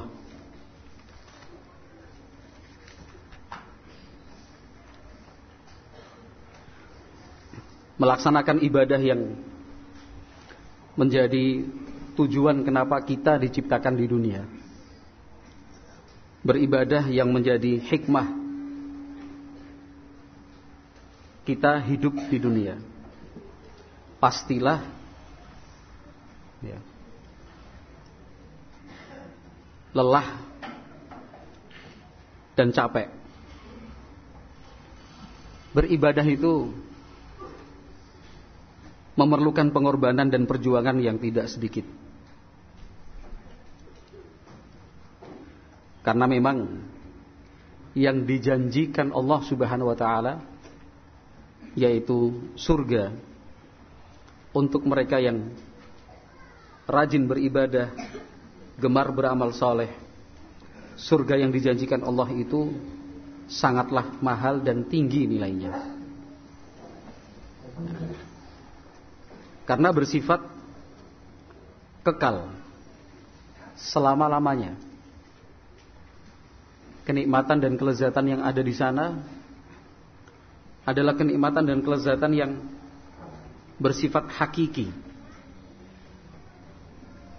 Bukan sesuatu yang menipu, tidak bersifat sementara. Berbeda dengan kenikmatan dan kelezatan yang kita rasakan di di dunia.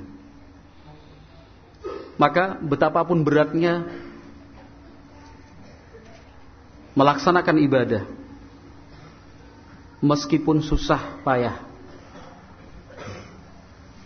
menghadapi sekian banyak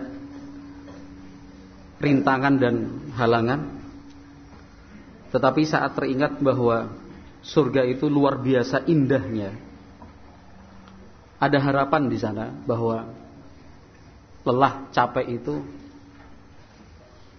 bagaikan tidak dirasa saja. Nabi Muhammad sallallahu alaihi wasallam menjelaskan hal ini dalam sebuah kesempatan dalam potongan hadis yang mulia beliau bersabda yu'ta bi asyaddani bi asyaddin nasi bu'san min ahli dunia min ahli jannah. Pada hari kiamat nanti Orang yang paling susah hidupnya di dunia Yang paling berat Secara materi Paling menderita. Namun min ahli jannah Dia termasuk penduduk surga. Orang ini akan dihadirkan. Kemudian apa yang terjadi? Yusbahu Fil jannati sabarah Orang yang susah hidupnya ini dicelupkan ke dalam surga sekali celupan. Setelahnya dia ditanya, Hal ra'aita bu'san qat hal marra bika syiddatun qat? Apakah kamu pernah merasa susah? Apakah kamu pernah menderita? Dia menjawab, tidak pernah ya Allah. Enggak pernah saya susah, tidak pernah saya menderita. Itu baru satu kali celupan. Jadi kesengsaraan, kesusahan, kesulitan, perjuangan, pengorbanan yang sangat melelahkan dalam mewujudkan ibadah lillahi subhanahu wa ta'ala. Itu dalam hitungan waktu yang sangat singkat sekali. Begitu sekejap. Hanya sesaat. Hilang seakan tidak pernah terjadi sebelumnya. Lupa bahwa dia pernah menderita. Nah. Sebagai contoh, tolabul ilmi. Ya kan? Menuntut ilmu agama itu bukan tugas yang ringan.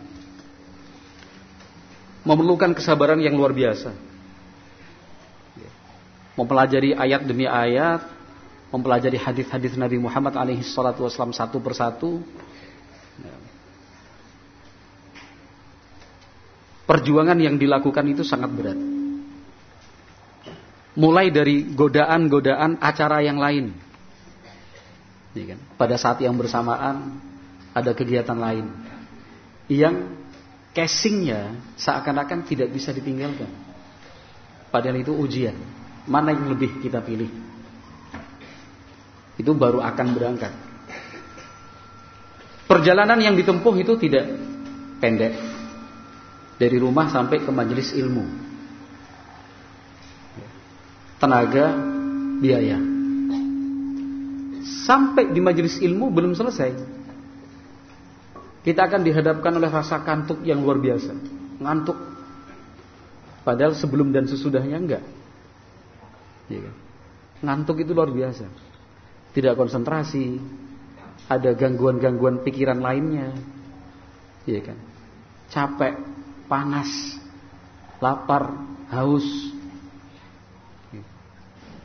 Belum lagi dihadapkan dengan apa perjuangan ketika pulang. Pulang udah rasanya jauh banget rumah itu. Ya terutama santri. Kita harus mengakui bahwa perjuangan mereka, para santri ini memang luar biasa. Gak bisa manja kalau di pondok. Karena orang tua tidak berada bersama-sama dengan mereka. Makanan minuman tidak selalu menyesuaikan selera kita. Ya. Tapi sudah ditentukan, ini sayurnya, ini lauknya. Banyak sedikit jatah sudah ditentukan. Ya kan? Kadang kehabisan air, kadang sakit. Ya kadang konflik dengan temannya, melawan rindu, mengusir kangen, itu sudah satu perjuangan yang luar biasa. Nah, itu memang melelahkan, membuat kita cepat jenuh, mudah bosan. Nah, tetapi kita harus ingat kembali bahwa Nabi Muhammad alaihi salatu wasallam bersabda, "Wa man salaka tariqan yaltamisu fihi ilman Sahalallahu lahu bihi tariqan ilal jannah. Siapa saja yang menempuh satu perjalanan dalam rangka menuntut ilmu agama, Allah akan mudahkan dia masuk ke dalam surga. Jadi yang ada dalam angan-angan dalam bayangan kita adalah surga, surga, surga, surga. Dengan penuh keyakinan apa pun yang terbayang tentang surga, hakikat surga berkali-kali lipat lebih indah dari apa yang bisa kita bayangkan.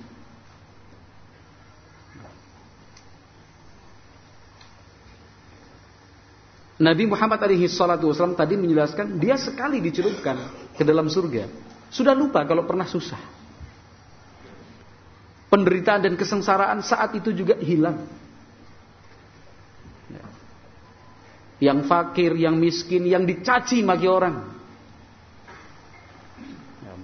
Kalau fakir miskin masih banyak dari kita yang bisa menahan diri. Masih banyak di antara kita yang mampu bersabar.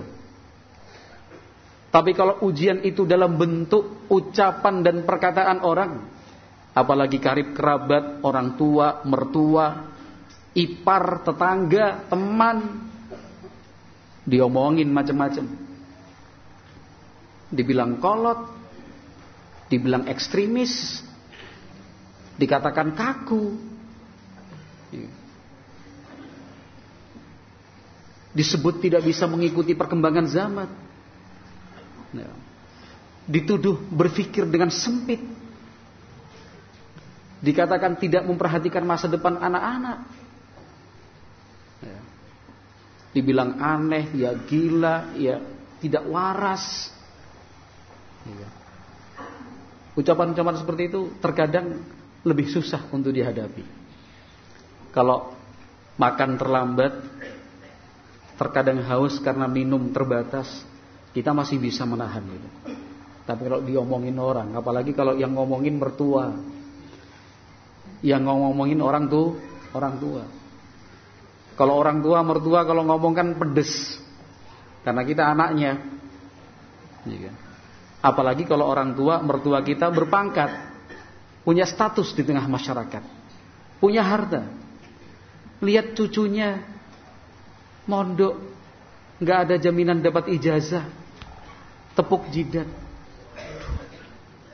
Tepuk jidat. Kakekmu itu bingung. Dalam satu bulan berapa ribu ijazah kakek tanda tangani. Karena kakeknya seorang rektor universitas terkenal di Jawa Tengah. Cucunya nggak sekolah. Tekanan batin itu tanggungan mental di hadapan sekian ribu mahasiswa mahasiswinya di sekian di hadapan sekian ratus dosen dan apa sivitas akademik di kampusnya.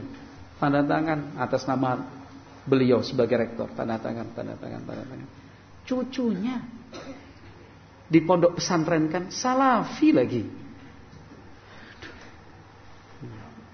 Itu sebagai seorang mertua ngomong wah kamu gini gini gini. Dengerin aja berat. Kadang sariawan kumat.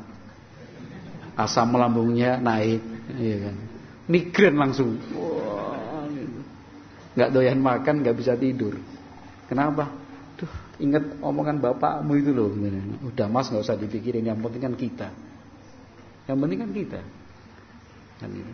yang satu punya pangkat. Staf menteri masya Allah staf khusus menteri kan gitu. anaknya kok mencoba menawar untuk putus kuliah.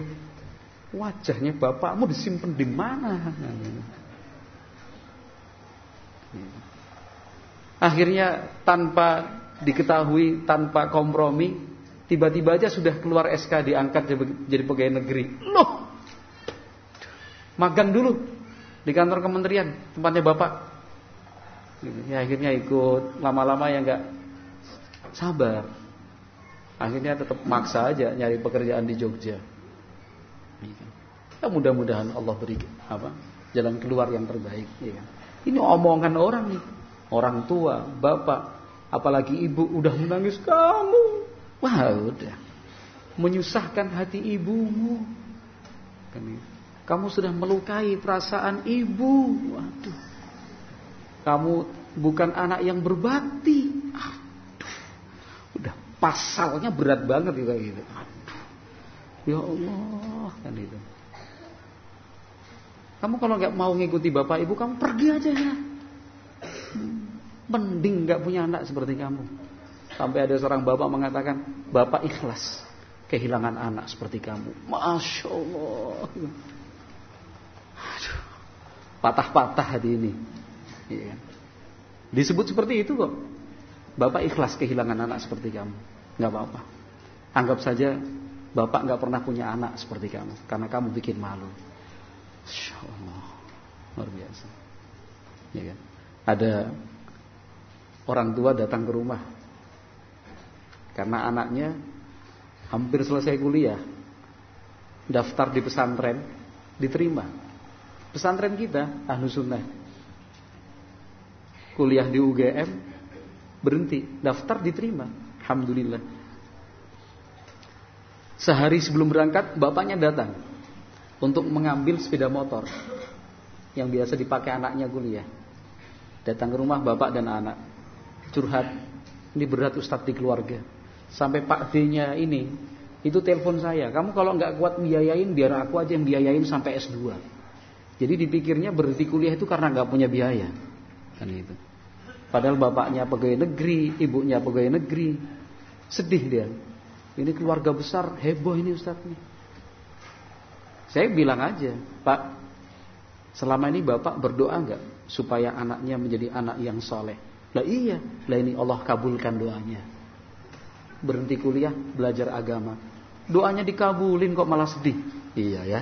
Hmm. Ini yang berdoa supaya anaknya soleh siapa? Kan bapak sendiri. Alhamdulillah mondok berprestasi. Adiknya lulus SMP berhenti. Anaknya dua laki-laki semua. Lulus SMP berhenti mondok ya kan?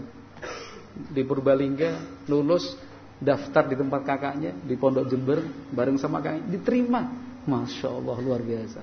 Bahagianya udah segar aja ini omongan itu beratnya luar biasa Iya kan? Diomongin orang, diomongin teman, diomongin senior, diomongin pimpinan atasan, jadi bahan gunjingan masyarakat. Masya Allah. Itu memang berat, susah. Tapi ingat kembali hadis Nabi Muhammad SAW, yusbahu fil jannati sabghah. Dicelupkan ke surga sekali celupan. Sekali saja. Sebentar itu. Sekejap. Ketika dia ditanya, kamu pernah susah? Enggak pernah. Pernah menderita? Enggak pernah.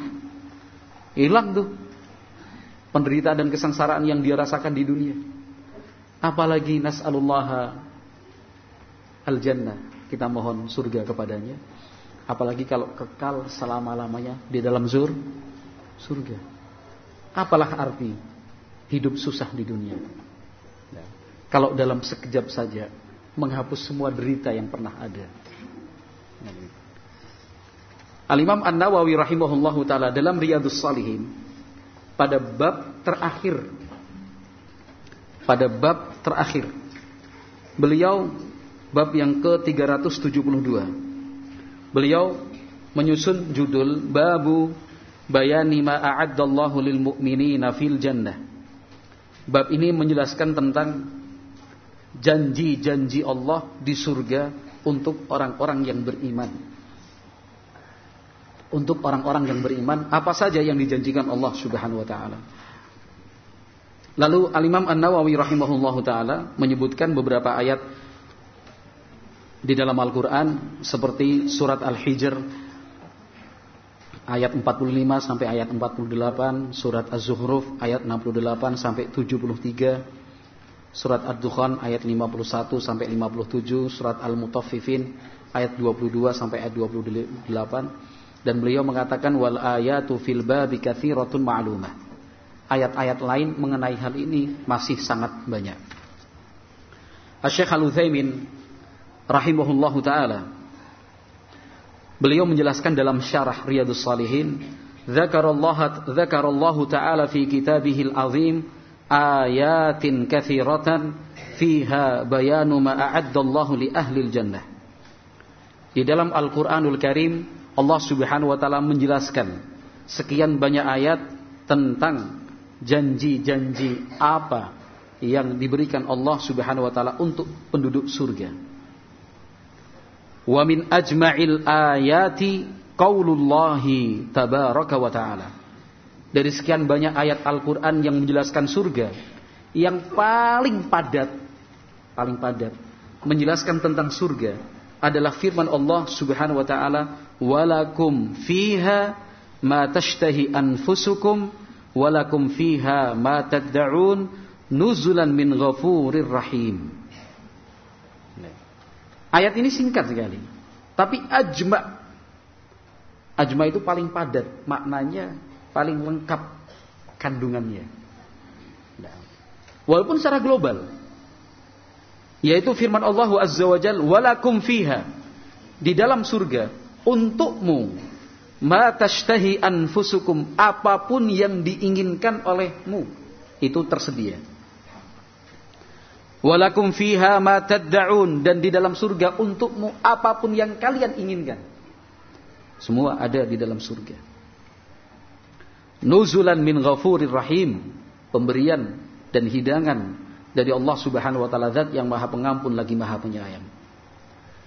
Kata Al-Utsaimin rahimahullah, "Kullu ma yashtahil insanu min na'imin fa innahu fil jannah. Kullu ma yatlubu fa innahu fil jannah, bal akthar min dzalik." Maksud dari ayat ini bahwa kenikmatan apa pun yang diinginkan oleh seseorang ada di dalam surga. Semua yang dikehendaki itu ada di dalam surga. Bahkan lebih dari apa yang dia inginkan. Lebih dari yang pernah dia bayangkan. Itu surga. Apa pun itu. Maka disebut oleh Syekh Al-Uthaymin. Wa min ajma'il ayat. Ayat yang paling padat maknanya dan paling ringkas. Ya. Tidak disebutkan secara satu persatu. Kalian dapat ini, ini, ini, ini, ini. Enggak. Tapi Allah berfirman. Walakum fiha ma tashtahi anfusukum. Jadi apa pun yang diinginkan oleh kalian ada di dalam surga. Nah, apa pun itu ada di dalam surga. Bahkan kata beliau bal aktsaru min dzalik. Bahkan lebih dari apa yang mereka inginkan, yaitu qaulullahi ta'ala, yaitu firman Allah Subhanahu wa taala lahum ma yasha'una fiha waladaina mazidun. Mereka mendapatkan di dalam surga apa pun yang mereka inginkan. Waladaina mazid dan masih ada tambahan dari kami. Apa pun yang diinginkan ada. Apa pun yang dikehendaki siap sedia. Tidak terbatas apa yang diinginkan, tidak sebatas apa yang dikehendaki. Lebih dari itu. Allah berfirman, "Waladaina mazid." Bahkan ada yang lebih dari kami. Wa qala jalla dzikruhu, Allah Subhanahu wa taala berfirman juga, "Fala ta'lamu nafsun ma ukhfiya lahum min qurrati a'yun jazaan bima kanu ya'malun." Tidak ada satupun jiwa yang mengetahui apa yang sudah disiapkan untuk mereka. Hal-hal yang menyenangkan dan menyejukkan. Nggak ada orang yang tahu. Saking banyaknya, saking luasnya, saking indahnya, saking lezatnya. Yang telah disiapkan Allah di dalam surga untuk mereka. Jaza'am bima kanu ya'malun. Itu adalah balasan. Dari amal perbuatan yang mereka lakukan.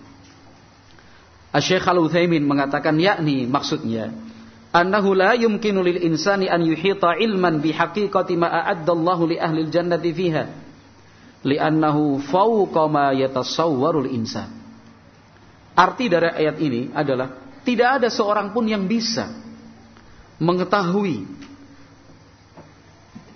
hakikat sesungguhnya kenikmatan yang telah disiapkan Allah untuk penduduk surga. Nggak ada yang tahu. Hakikatnya seperti apa sih? Nggak. Kata beliau li annahu fawqa ma yatasawwarul insan. Karena apa yang ada di surga itu melebihi apa yang bisa dibayangkan oleh manusia. Ma yujadu min naimid dunya fa innahu namudzajun namudzajun namudzajun la yunsabu li syai'in min naimil akhirah. Nah, kesenangan dunia yang kita kenal dan kita ketahui meskipun hanya sebatas informasi yang didengar ya kenikmatan dunia kita nggak pernah merasakan, tapi kita pernah mendengar. Oh, kan itu. Kalau jet pribadi itu begini, nggak ada goyangnya sama sekali. Iya kan?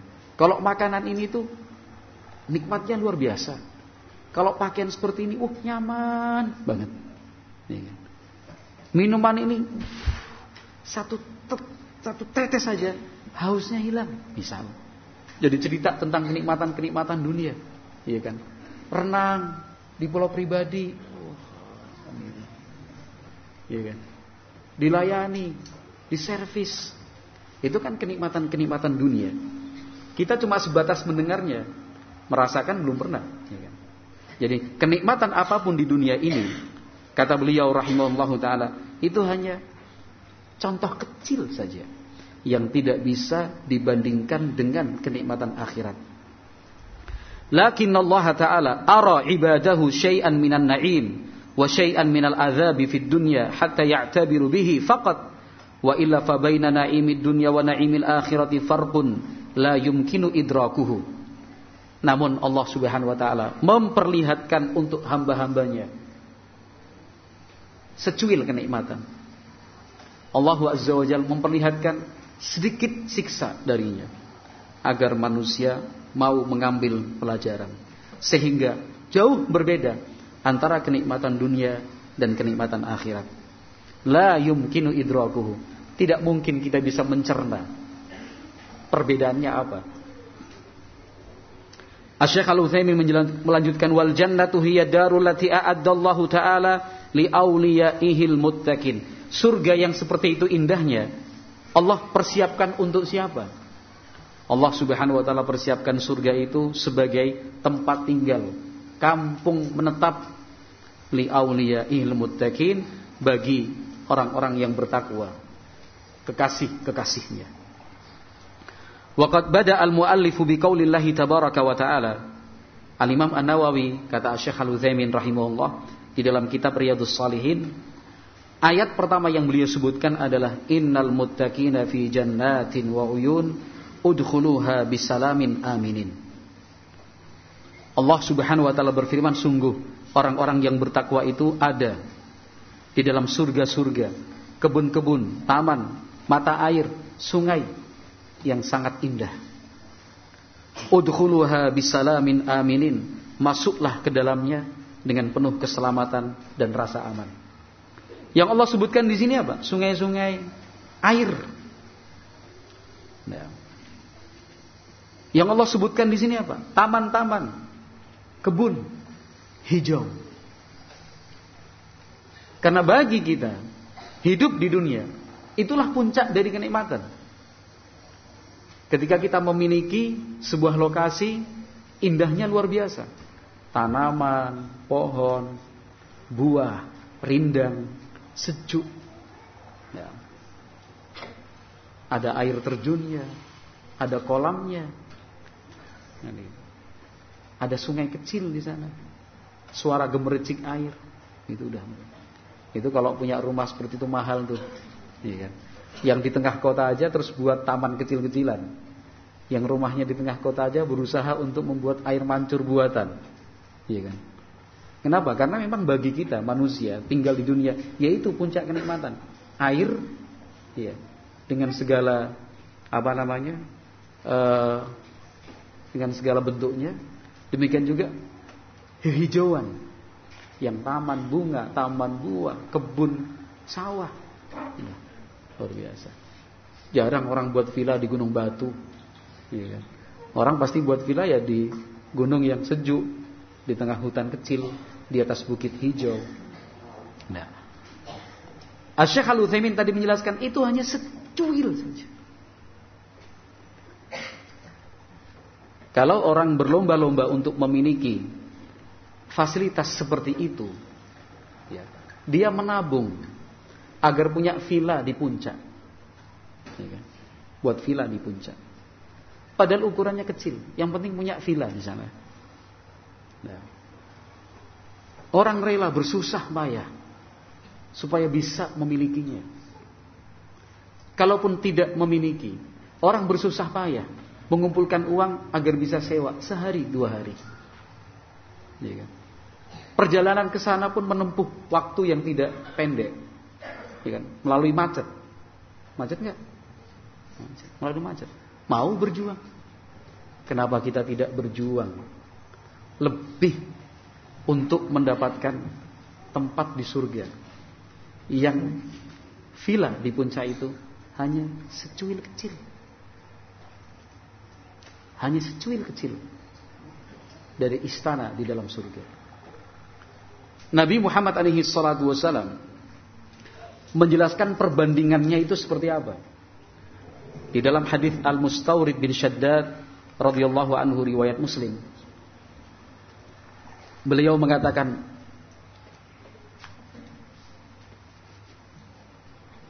permisalan dunia dengan akhirat itu ma yaj'alu ahadukum usba'ahu fil yam falyanzur bima yarji'u wa asyara bis sababati kata Nabi sallallahu alaihi wasallam perbandingan dunia dengan akhirat itu kenikmatannya itu seperti orang mencelupkan jari ke dalam lautan satu jari ke dalam lautan tarik angkat kembali lihat air yang menempel di ujung jarinya yang menempel itu dunia beserta isinya. Sementara lautan itu kenikmatan akhirat. Gak bisa diperbandingkan. Gak usah lautan dah, air di gelas ini. Masukin satu jari. Nanti saya minum tenang aja. Ini supaya lebih paham kan. Ya kan? Jari dicelupkan, nggak usah air laut. Ini air satu gelas. Celupkan jari, angkat. Ini loh, yang netesnya susah ini loh. Ini ini, sedikit sekali ya. Yang belum lihat nih. Ini ah, baru netes. Ini dunia seisinya ini. Dunia seisinya. Sementara ini yang cuma satu gelas. Prosentasenya berapa perbandingannya? Satu banding berapa? Yang satu tetes tadi dengan air satu gelas? Satu banding seribu mungkin? Lebih lah. Ya kan? Ini satu tetes tadi dibandingkan air di lautan sana. Samudra Hindia, Laut Cina Selatannya, ya kan? Laut apa Antartikanya, Laut Arktiknya. Terus mana lagi? Iya, Lautan Pasifik. Bisa dinilai dan bisa diukur kenikmatan akhirat itu bisa nggak kalau seperti itu? Nggak bisa. Masa yang nggak lebih dari satu tetes. Kalau ini dunia seisinya, lah satu villa di puncak berapanya? Ini dunia seisinya loh. Lah puncak satu puncak satu villa di puncak dengan semua fasilitasnya berapanya? Tapi kita mau dan rela susah payah dijemur matahari, iya kan? Macam-macam perjalanannya berat panjang. Mau, yang penting sampai di sana. Sampai di sana langsung ah, aduh, capeknya hilang, udah sampai di puncak. Padahal tahu pas pulang capek lagi. Ya kan? Tapi setibanya di dalam villa di atas puncak itu, masya Allah enak sekali. Bisa terbayang kan kalau misalkan masuk surga, dicelupkan ke dalam surga sekali celupan, kemudian susahnya itu hilang gitu. Susahnya itu hilang. Kayak nggak pernah hidup menderita, kayak nggak pernah sengsara. Padahal perbandingannya nggak bisa. Ya kan? Satu banding berapa? Satu tetes tadi. Nah. Yakni yuqalu lahum kata Syekh Al-Utsaimin maksudnya akan di apa sampaikan kepada mereka yang masuk surga udkhuluha bisalamin aminin min kulli syai'in. Artinya dipersilahkan masuk silakan masuk ke dalam surga. Dengan penuh keselamatan dengan penuh rasa aman min kulli syai' dari apa pun yang mengganggu. Min kulli afatin min kulli maradin minal harami minal mauti min kulli syai' Asyik al Utsaimin menjelaskan maksudnya apa? Orang yang masuk surga itu akan bebas dari semua penyakit, dari semua kesusahan. Tidak akan mengalami penuaan. Akan muda terus-menerus selamanya. Tidak akan mati. Tidak akan mati. Nabi Muhammad sallallahu alaihi wasallam bersabda, di dalam hadis Abu Sa'id Al-Khudri dan Abu Hurairah radhiyallahu anhuma juga disebutkan oleh An-Nawawi dalam Riyadhus Shalihin di bab yang terakhir ini Nabi Muhammad alaihi salam bersabda idza dakhala ahlul jannatil jannata yunadi munadin innalakum an tahyu fala tamutu abadan wa innalakum an tasihhu fala tasqamu abadan wa innalakum an tashibbu fala tahramu abadan wa innalakum an tan'amu fala tab'asu abadan. Rawahu muslimun. Hadis riwayat muslim.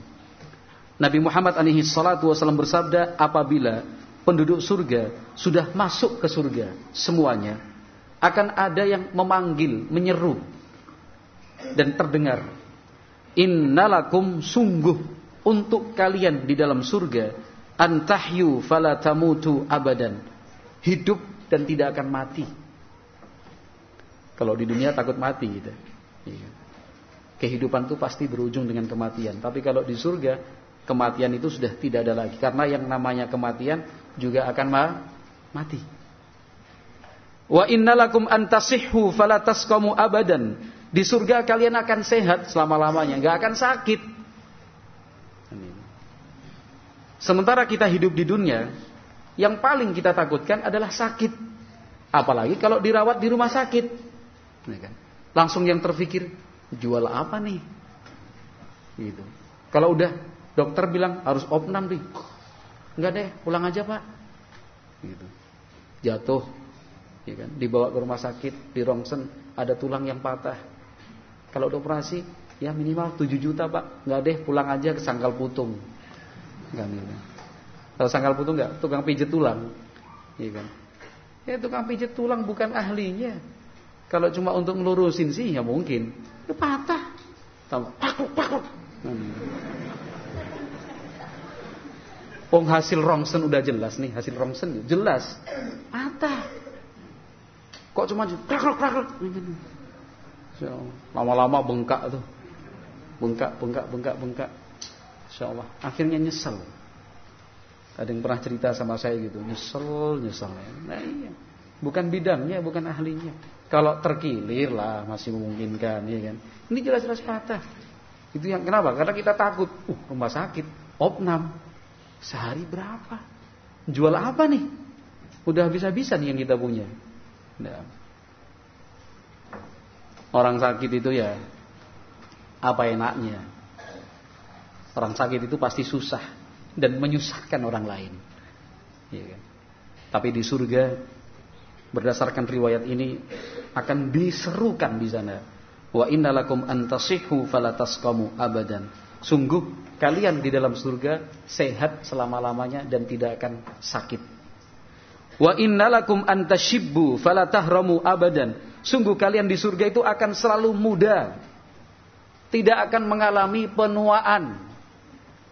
Kalau di dunia ada namanya bukan cuma penuaan, tapi penuaan dini. Pernah dengar gak? Iya, penuaan dini. Belum umurnya udah keriput. Belum umurnya rambut udah putih. Belum umurnya gigi udah keropos. Belum umurnya sudah tulang belakangnya udah apa? rapuh. Ada yang seperti itu.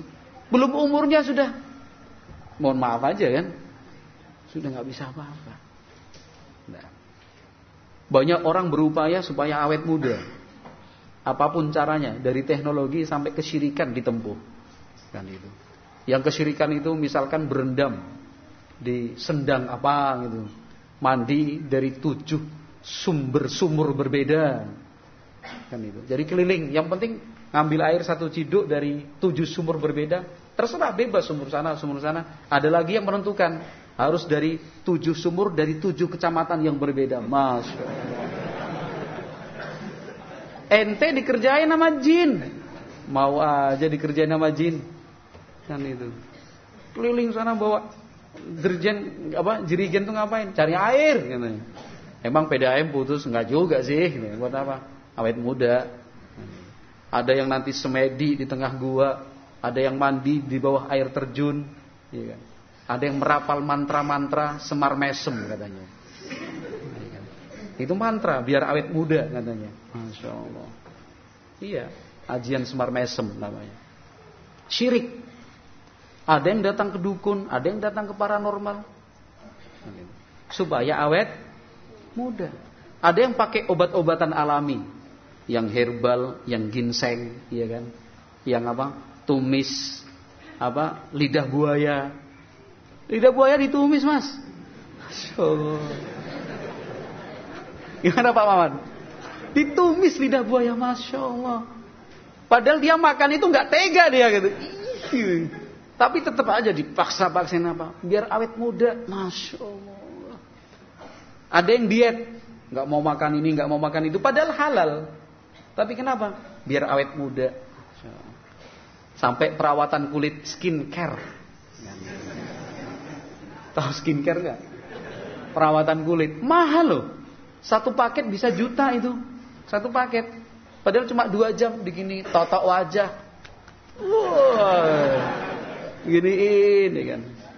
Terus nanti apa? Lulur madu, madu. Cuma untuk diginiin aja supaya pori-porinya itu mudah membersihkan kotoran-kotoran di dalam apa? lubang pori-pori ini gitu. Insyaallah. Wah, madu, susu gitu. Insyaallah. Di sini segala macam. Setelah itu dikasih make up lagi kan gitu. Ini rambut alisnya dicukur diganti dengan penebal alis.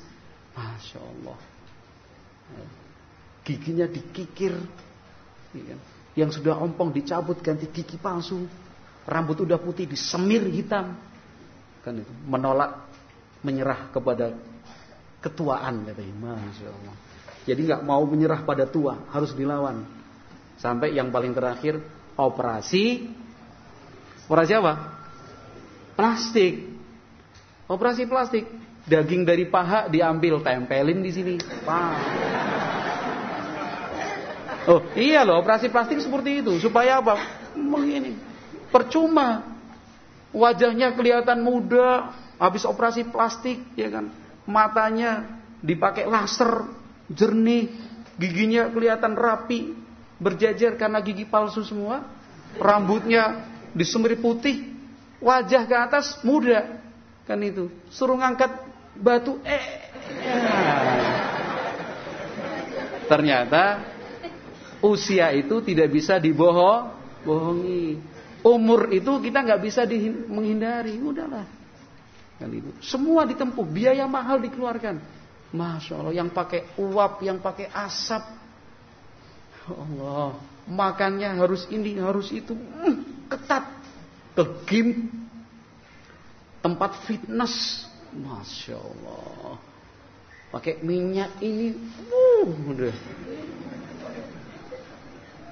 Kalau mau seperti itu ada tempatnya. Di mana? Di sur surga.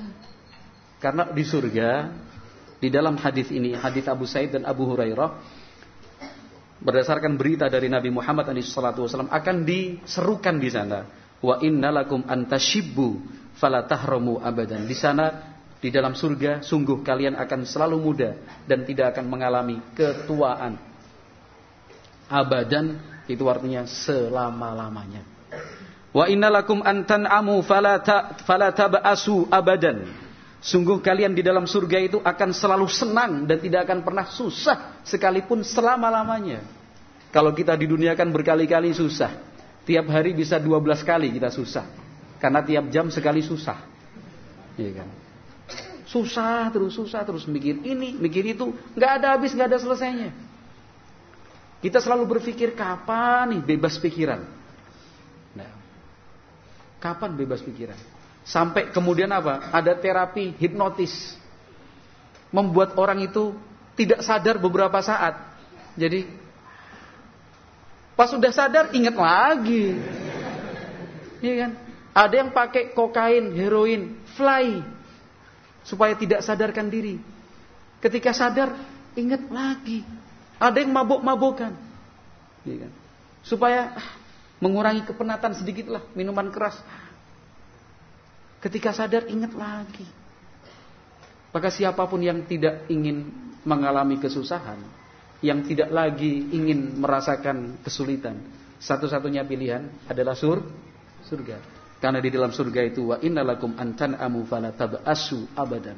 Sungguh di dalam surga ini kalian akan selalu senang dan tidak akan susah selama-lamanya.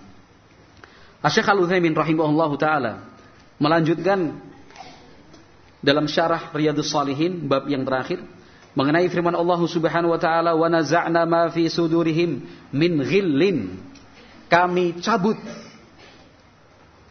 dari dada mereka iri, dengki, dan semua ganjalan di dalam hati. Yakni kata Syekh Al-Utsaimin annahum mereka orang-orang bertakwa itu idza dakhalul jannah apabila masuk surga naza Allahu taala ma fi sudurihim min ghillin. Nah. Dari dalam hati mereka dicabut itu, dihilangkan itu, dibersihkan. Semua perasaan-perasaan jelek. Nah benci, dendam, nggak ada. Tidak ada konflik di sana. Tidak ada lagi perdebatan, pertengkaran, perkelahian, permusuhan. Allah hilangkan itu semua. Dukhulil jannati ala qantaratin bainal jannati wan nari fayuktassu li ba'dihim min ba'din hatta idza huzzibu wa nuqu wa baqiyat qulubuhum safiyatan laysa fiha ghillun dakhalul jannata ba'da an yanzi' an yanzi' Allahu ma fi qulubihim min ghillin. Kenapa? Karena penduduk surga sebelum masuk surga akan dihentikan di atas jembatan yang terletak antara surga dan neraka. Di sana ditegakkan kisos. Diselesaikan masalah di antara mereka. Sebelum masuk surga, masalah diselesaikan. Maka selagi bisa diselesaikan di dunia, di dunia selesaikan masalah-masalah itu. Jangan sampai penyelesaiannya justru di akhirat di atas jembatan antara surga dan neraka ditegakkan kisos sampai kalau sudah bersih tidak ada lagi benci tidak ada lagi dendam tidak ada lagi ganjalan di dalam hati wabaqiyat qulubuhum safiyatan hati mereka bersih suci laisa fiha ghillun enggak ada iri dengki dakhalul jannah barulah mereka masuk surga ba'da an yanzi'allahu ma fi qulubihim min ghillin setelah Allah cabut dari hati mereka semua ganjalan-ganjalan. Kan itu. Luar biasa. Itu udah negeri yang kita impikan. Ya. Tempat yang kita cari selama ini. Sebuah lokasi yang tidak akan mungkin ada di dunia ini. Enggak mungkin ada. Perumahan mana pun, real estate mana pun, laster mana pun, villa mana pun, istana mana pun, dengan segala fasilitas, akses sarana prasarana, hiburan, kesenangan di dalamnya, tetap saja ada capek dan lelah di sana. Ya kan? Ada capek dan lelah di sana. Nah, di sana ada masih pikiran dan hati dan ganjalan di dalam hati, tapi di surga tidak. Kemudian Syekh Al-Utsaimin melanjutkan ala sururin mutakabilin mengenai ayat ini.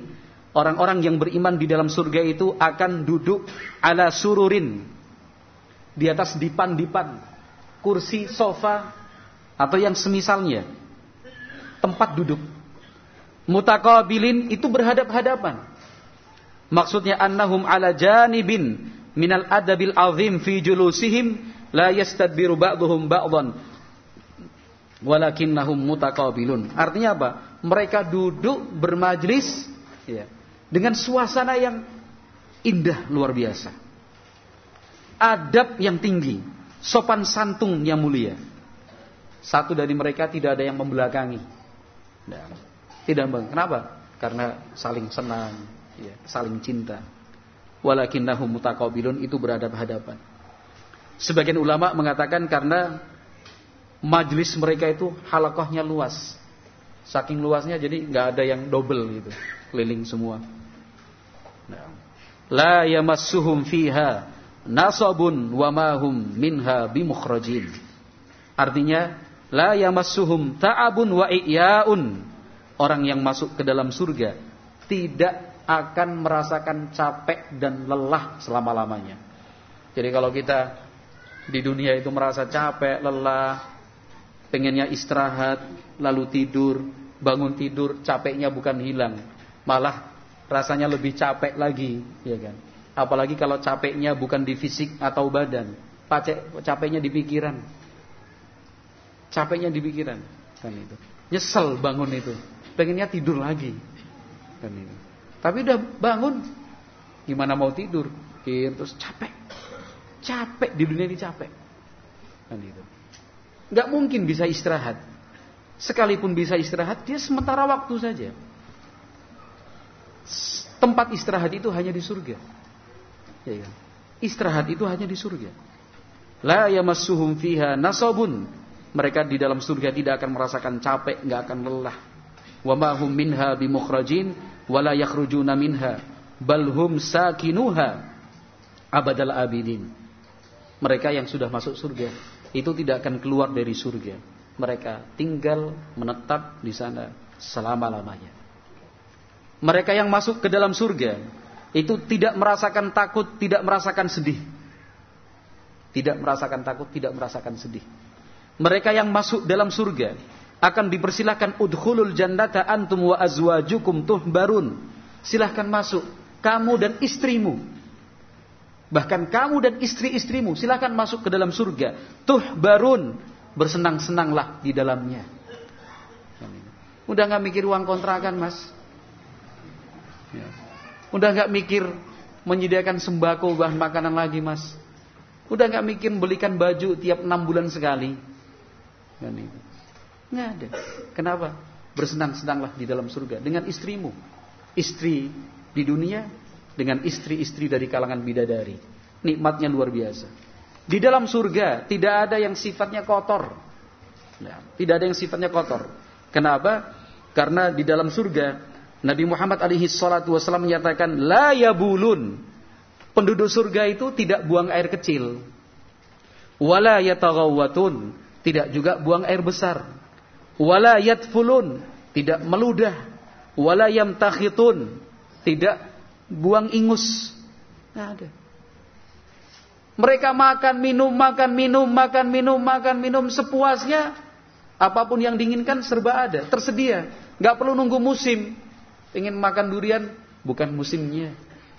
Kan itu. Pengen makan cempedak, belum musimnya. Kan itu. Pengen makan ikan cakalang, ini bukan musimnya kan itu. Pengen minum jus apa? Sirsat misalkan. Ini nggak ada. Di surga semuanya ada. Makan minum sepuasnya tetapi tidak ada buang air kecil maupun besar. Terus makanan dan minum yang dikonsumsi itu jadi apa? Jadi keringat. Keringat. Keringatnya wangi, bukan seperti sekarang. Keringatnya wangi seperti wanginya misik kasturi. Masya Allah. Fisiknya sempurna luar biasa. Kata Nabi Muhammad alaihissalam, ala khalqi rajulin wahidin ala surati abihim Adam situna dhira'an fis sama. Secara fisik penduduk surga itu seperti fisiknya Nabi Adam 60 hasta tingginya 60 kali gini kurang lebih 30 meter tingginya. Masya Allah. 30 meter tingginya 30 30 30 jadi surga itu luasnya seperti apa? Ya luas sekali. Kata Nabi Muhammad alaihi salatu wasallam tentang surga itu dalam hadis Abu Sa'id Al-Khudri inna fil jannati la syajaratan yasiru raqibul jawadal mudammar as-sari'a mi'ata sanatin ma yaqta'uha. Kata Nabi Muhammad alaihi salam di dalam surga ada satu pohon satu pohon ya satu pohon untuk menempuh bayang-bayang pohon itu dari satu sisi ke sisi yang berikutnya. Orang naik kuda, kecepatan tinggi, kecepatan tinggi. Kuda kualitas terbaik sudah dibuat lapar. Itu kan teknik biar kuda itu lari kencang. Terus tidak berhenti, kencang sekali ini. Selama 100 tahun belum tentu dia bisa melintasi bayang-bayang dari pohon itu. Itu baru satu pohon lah. Surga itu sendiri seperti apa? Luasnya. Kalau kita di dunia udah merasa sempit, ya Allah, perumahan padat. Bingung cari tempat parkir. Ya kan? Santri-santri kadang ditolak karena nggak ada sakan, misalkan ya. Ya kan? Mau berkebun buat taman, aduh nggak punya. Akhirnya saluran got dicor di atasnya. Melanggar peraturan desa akhirnya. Ya kan? Dunia sempit. Mau cari lahan di mana? Baru bertahan 5 tahun, 10 tahun. Udah rame lagi, padat lagi. Di surga. Satu pohon. Ini loh.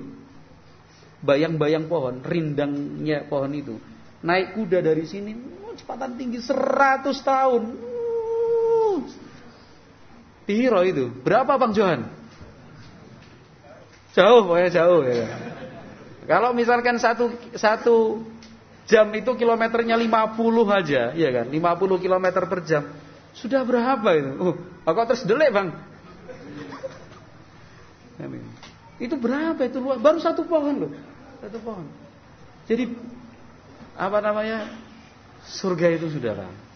Kalau demikian kita paham sedikit tentang surga, ya mari kita sama-sama bersabar untuk beribadah, sama-sama sabar untuk beramal soleh. Walaupun berat meskipun susah, sabar. Surga ini mahal sekali. Yang tolabul ilmi, yang ngaji, yang jadi santri, sabar jadi santri ya. Jangan dikit-dikit bi pulang bi, kenapa? Laper. Ya Bi pulang bi, kenapa? Gatel-gatel. Bi pulang bi, kenapa? Panas. Bi pulang bi, kenapa? Tempat tidurnya sempit. Bi pulang bi, kenapa? Ada temanku yang nakal. Sabar mas, sabar. Jadilah penuntut ilmu yang sabar. Jadilah santri yang sah, sabar dengan semua keterbatasan ini. Yang diingat surga, surga, surga, surga. Yang sedang merawat orang tuanya, yang sedang merawat orang tuanya, sabar. Emang dibikin merawat orang tua itu gampang? Supaya kita sadar orang tua saat merawat kita pun susahnya seperti itu. Ya kan? Minta ini nggak mau. Kita waktu kecil udah digorengin telur mata sapi nih sama ibu, nggak mau makan.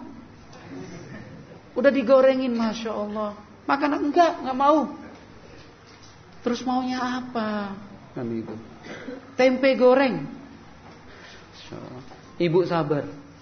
Pergi ke warung beli tempe diiris, ya kan? Diiris. Pulang dari warung udah bawa tempe, eh anaknya makan telur yang tadi digoreng. Insyaallah. Tapi ibu sah sabar. Giliran kita merawat ibu, giliran kita merawat bapak juga seperti itu. Kita udah masakin nih. Udah masakin. Tapi bapak sama ibu, "Mah, aku nggak mau makan."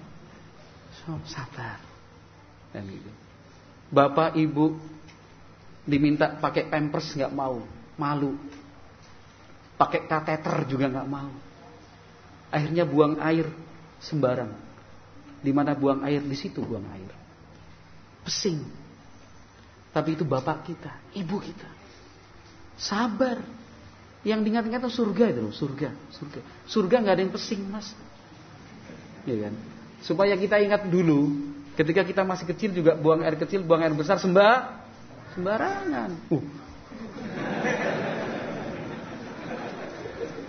Jadi paham tuh anak-anak gitu. Ada yang kasih komentar sembarangan gitu. Ya supaya kita sabar, ya kan? Supaya kita sabar. Kita menghadapi orang tua, bapak, ibu yang sudah pikun. Sudah pikun. Kan gitu. Kita tanya, Bapak sampun sholat? Wes. Padahal Masya Allah dari pagi, dari jam 10. Kita menemani Bapak dalam kamar, nggak berpisah. Di situ terus kita tungguin Bapak. Nggak pernah Bapak sholat itu. Bapak sampun sholat? Ya wes. Ya. Masya Allah. Pikun kan? Udah pi? Alhamdulillah. Masih menyadari bahwa sholat itu hukumnya wa wajib. Atau kita lihat bapak sholat baru dua rakaat salam. Pak, nembe kali rakaat. Baru satu eh baru dua rakaat. Kurang dua, wes papat mau. Bapak kita yakin sudah empat. Bapak yang ngerti sholat zuhur loro ya ra mungkin. Sholat zuhur kok dua, empat sholat zuhur itu. Alhamdulillah bapak masih mau so sholat.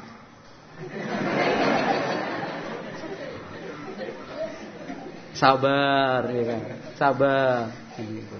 Kita tiap hari datang menjenguk. Tiap pagi sebelum berangkat kerja, pulang dari kerja karena rumahnya beda. Rumahnya berbeda. Kita minta untuk jadi satu, orang tua nggak mau. Kita yang pengen di sana, orang tua juga nggak setuju. Kan gitu. Pokoknya kita pisah karena bapak ibu nggak mau merepotkan anaknya. Tiap pagi, tiap sore kita datang menjenguk. Jenguk. Kita pijetin, kita doain, kita siapkan segala-galanya, ya kan? Suatu saat kita datang menjenguk lagi, sore pulang dari kerja. Di situ adik kita udah datang duluan. Dari luar kamar, kita mendengar ibu atau bapak cerita, kakakmu itu loh nggak pernah menjenguk ibu, masya Allah. Kakakmu itu loh Gak perhatian sama bapak. Padahal rumahnya di samping sini kan. Kamu jauh. Tapi mau perhatian sama ibu, sama bapak. Masya Allah. Pagi sore. Kita men. Men. Jenguk. Pagi sore kita udah berusaha menjenguk. Ya kan. Pagi kita jenguk. Sebelum kerja loh.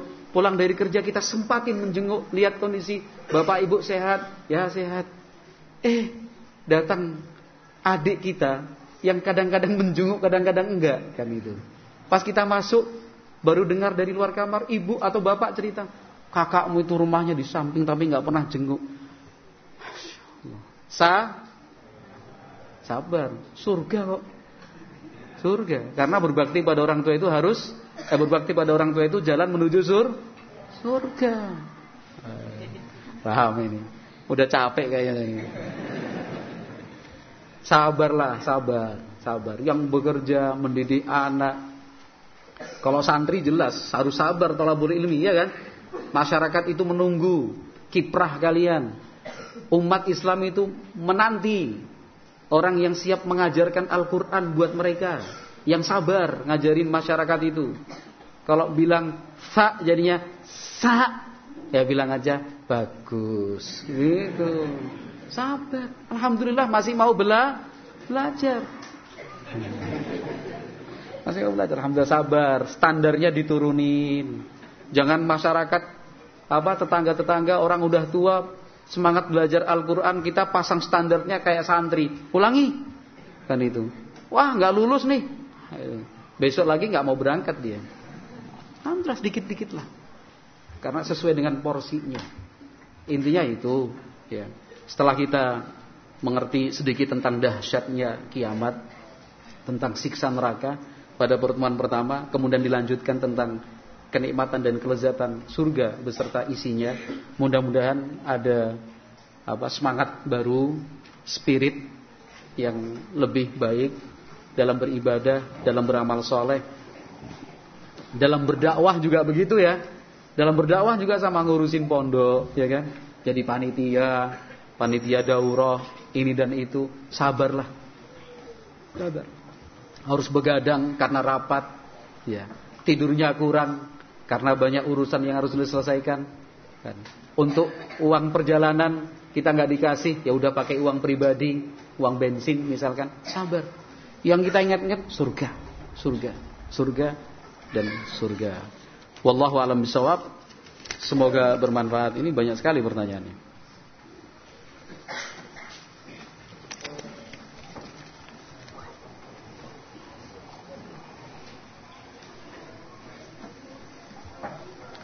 Ini bentuk rasa takut neraka yakni dengan bersedekah. Apakah bersedekah kepada orang yang tergolong mampu diperbolehkan? Untuk yang tergolong mampu kita niatkan hadiah saja. Ya, diniatkan sebagai apa hadi? Hadiah. Kan itu. Diniatkan sebagai hadiah. Walaupun bersedekah pun nggak masalah. Ya kan? Yang ada ketentuannya itu adalah zakat yang sifatnya wa, wajib. Kalau zakat yang sifatnya wajib sudah ditentukan nih. Delapan golongan nggak boleh lebih dari itu. Tapi kalau sifatnya sunnah, mustahabbah, ya, sifatnya hadiah, infak dan sebagainya dan semisalnya boleh. Tapi kalau kita berbicara afdol dan tidaknya, semakin membutuhkan maka lebih afdol kita berikan untuknya.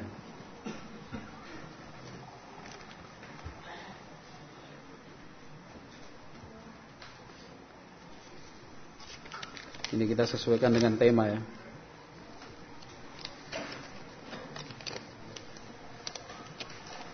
Apa upaya yang harus dilakukan agar setiap ilmu atau faedah yang didapat itu semakin memperbagus akhlak kita kepada Allah? Karena terkadang faedah yang masuk lewat channel WA atau Telegram itu hanya berlalu begitu saja. Kalau ulama kita seperti itu, termasuk para sahabat, mereka saat itu punya semangat untuk belajar agama ya, tidak akan menambah. Sebelum yang sudah dipelajari itu diamalkan. Maka untuk zaman sekarang ini karena kita memang jauh berbeda dengan sahabat dari sekian banyak faedah dari sekian banyak faedah yang kita baca melalui channel coba di apa disaring. Dalam arti disaring itu kita pilih mana yang bisa kita praktekkan sekarang ini. Satu Misalkan melalui channel WA atau Telegram dalam sehari ada 10 sampai 20 faedah, iya kan? 10 sampai 20 faedah. Pilih dari 10 atau 20 faedah itu satu aja. Satu aja, satu diamalkan, satu diamalkan, satu diamalkan. Itu yang bisa kita lakukan wallahu alam bissawab.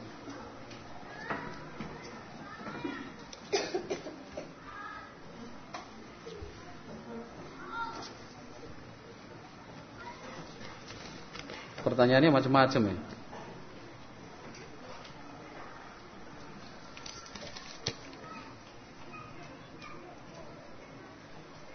Nah ini pertanyaannya di luar dari tema yang ada. Janganlah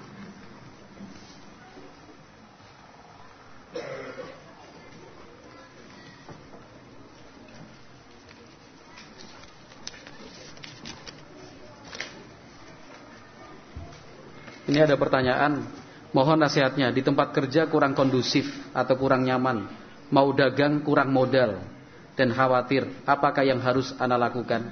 Yang pertama, luruskan niat. Jadi ingin berhenti bekerja itu tujuannya apa? Kalau memang tujuannya agar bisa beribadah lebih tenang, agar bisa mengamalkan sunnah lebih khusyuk, ikhlaskan itu sebagai niat, Allah akan memberi kemudahan. Allah Subhanahu wa taala akan memberi kemudahan. Kapan kemudahan itu akan Allah berikan? Ya ketika kita sudah lepas dari pekerjaan itu, kita akan diberi ganti. Karena Nabi Muhammad alaihi salatu wasallam bersabda, "Man taraka syai'an lillahi awwadahu khairan minhu."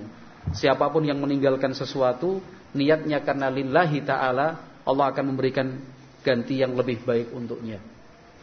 Jadi satu, luruskan niat. Yang kedua, Masalah modal, siapa pun yang sukses itu pasti bermula dari keterbatasan modal, nggak ada. Orang yang ingin sukses kemudian langsung modalnya besar. Ya semua dari yang kecil. Nah, justru dari modal yang kecil itu kita akan semakin semangat untuk apa? berusaha. Mulailah dari yang kecil. Kemudian yang ketiga, justru ini adalah wahana untuk kita mempraktekkan ilmu yang telah kita pelajari seperti meningkatkan tawakal kepada Allah Subhanahu wa taala, memperbanyak doa kepada Allah Subhanahu wa taala. Nah, jadi kalau secara teknis yang paling sederhana adalah mencari informasi sebanyak mungkin, ya kan? Sharing, meminta tukar pengalaman kepada mereka-mereka yang pernah mengalami hal yang sama dengan kita. Mereka dulu kerja di pabrik, kerja di perusahaan, terus keluar, lalu sukses. Kita datang tanya, Afwan Ahi, Ana mau berkunjung, Ana mau silaturahim, Ana mau ziarah, boleh enggak? Ana mau tanya-tanya masalah pekerjaan, silakan. Sharing, kumpul, sharing, sharing, sharing, sharing. Itu akan menguatkan tekad kita. Yang penting niatkan ikhlas ya untuk beribadah lebih tenang.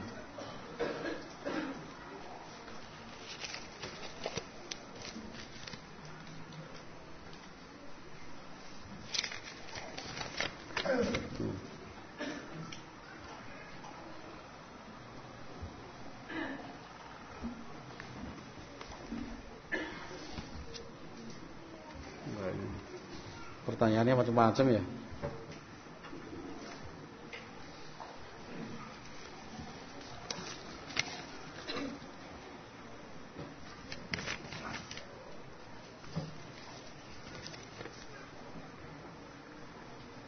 Apakah ketika di surga kita akan dikumpulkan bersama anak dan istri? Iya, asalkan bersama dalam iman. Allah Subhanahu wa taala berfirman dalam Al-Qur'an walladzina amanu wattaba'athum dzurriyyatuhum biimanin alhaqna bihim dzurriyyatahum. Kan gitu. Allah Subhanahu wa taala berfirman seperti itu. Jadi orang-orang beriman yang kemudian diikuti oleh anak keturunannya, mereka akan kami gabungkan menjadi satu di dalam surga. Ya. Di dalam surga bersama dengan mereka. Jadi pertanyaan kalau dikumpulkan bersama dan istri ya, asalkan sama-sama beriman.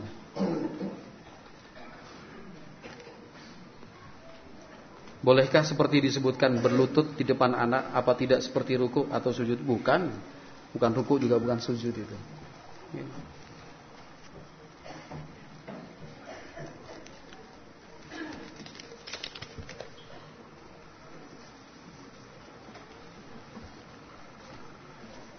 Banyak sekali.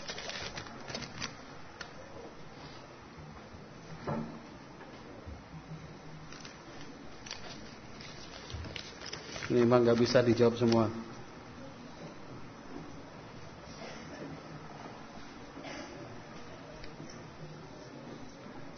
Alhamdulillah beberapa hari ini saya baru bisa mengikuti pengajian salafi dan baru mengerti adanya acara-acara bid'ah. Sudah bertahun-tahun saya menjadi salah satu dari donatur untuk acara-acara bid'ah di kampung. Dan sampai saat ini saudara, tetangga dan kerabat di kampung masih meminta dana ke saya untuk acara bid'ah-bid'ah tersebut. Mohon bimbingannya Ustadz bagaimana cara saya menolaknya. Soalnya saya baru kenal salafi juga.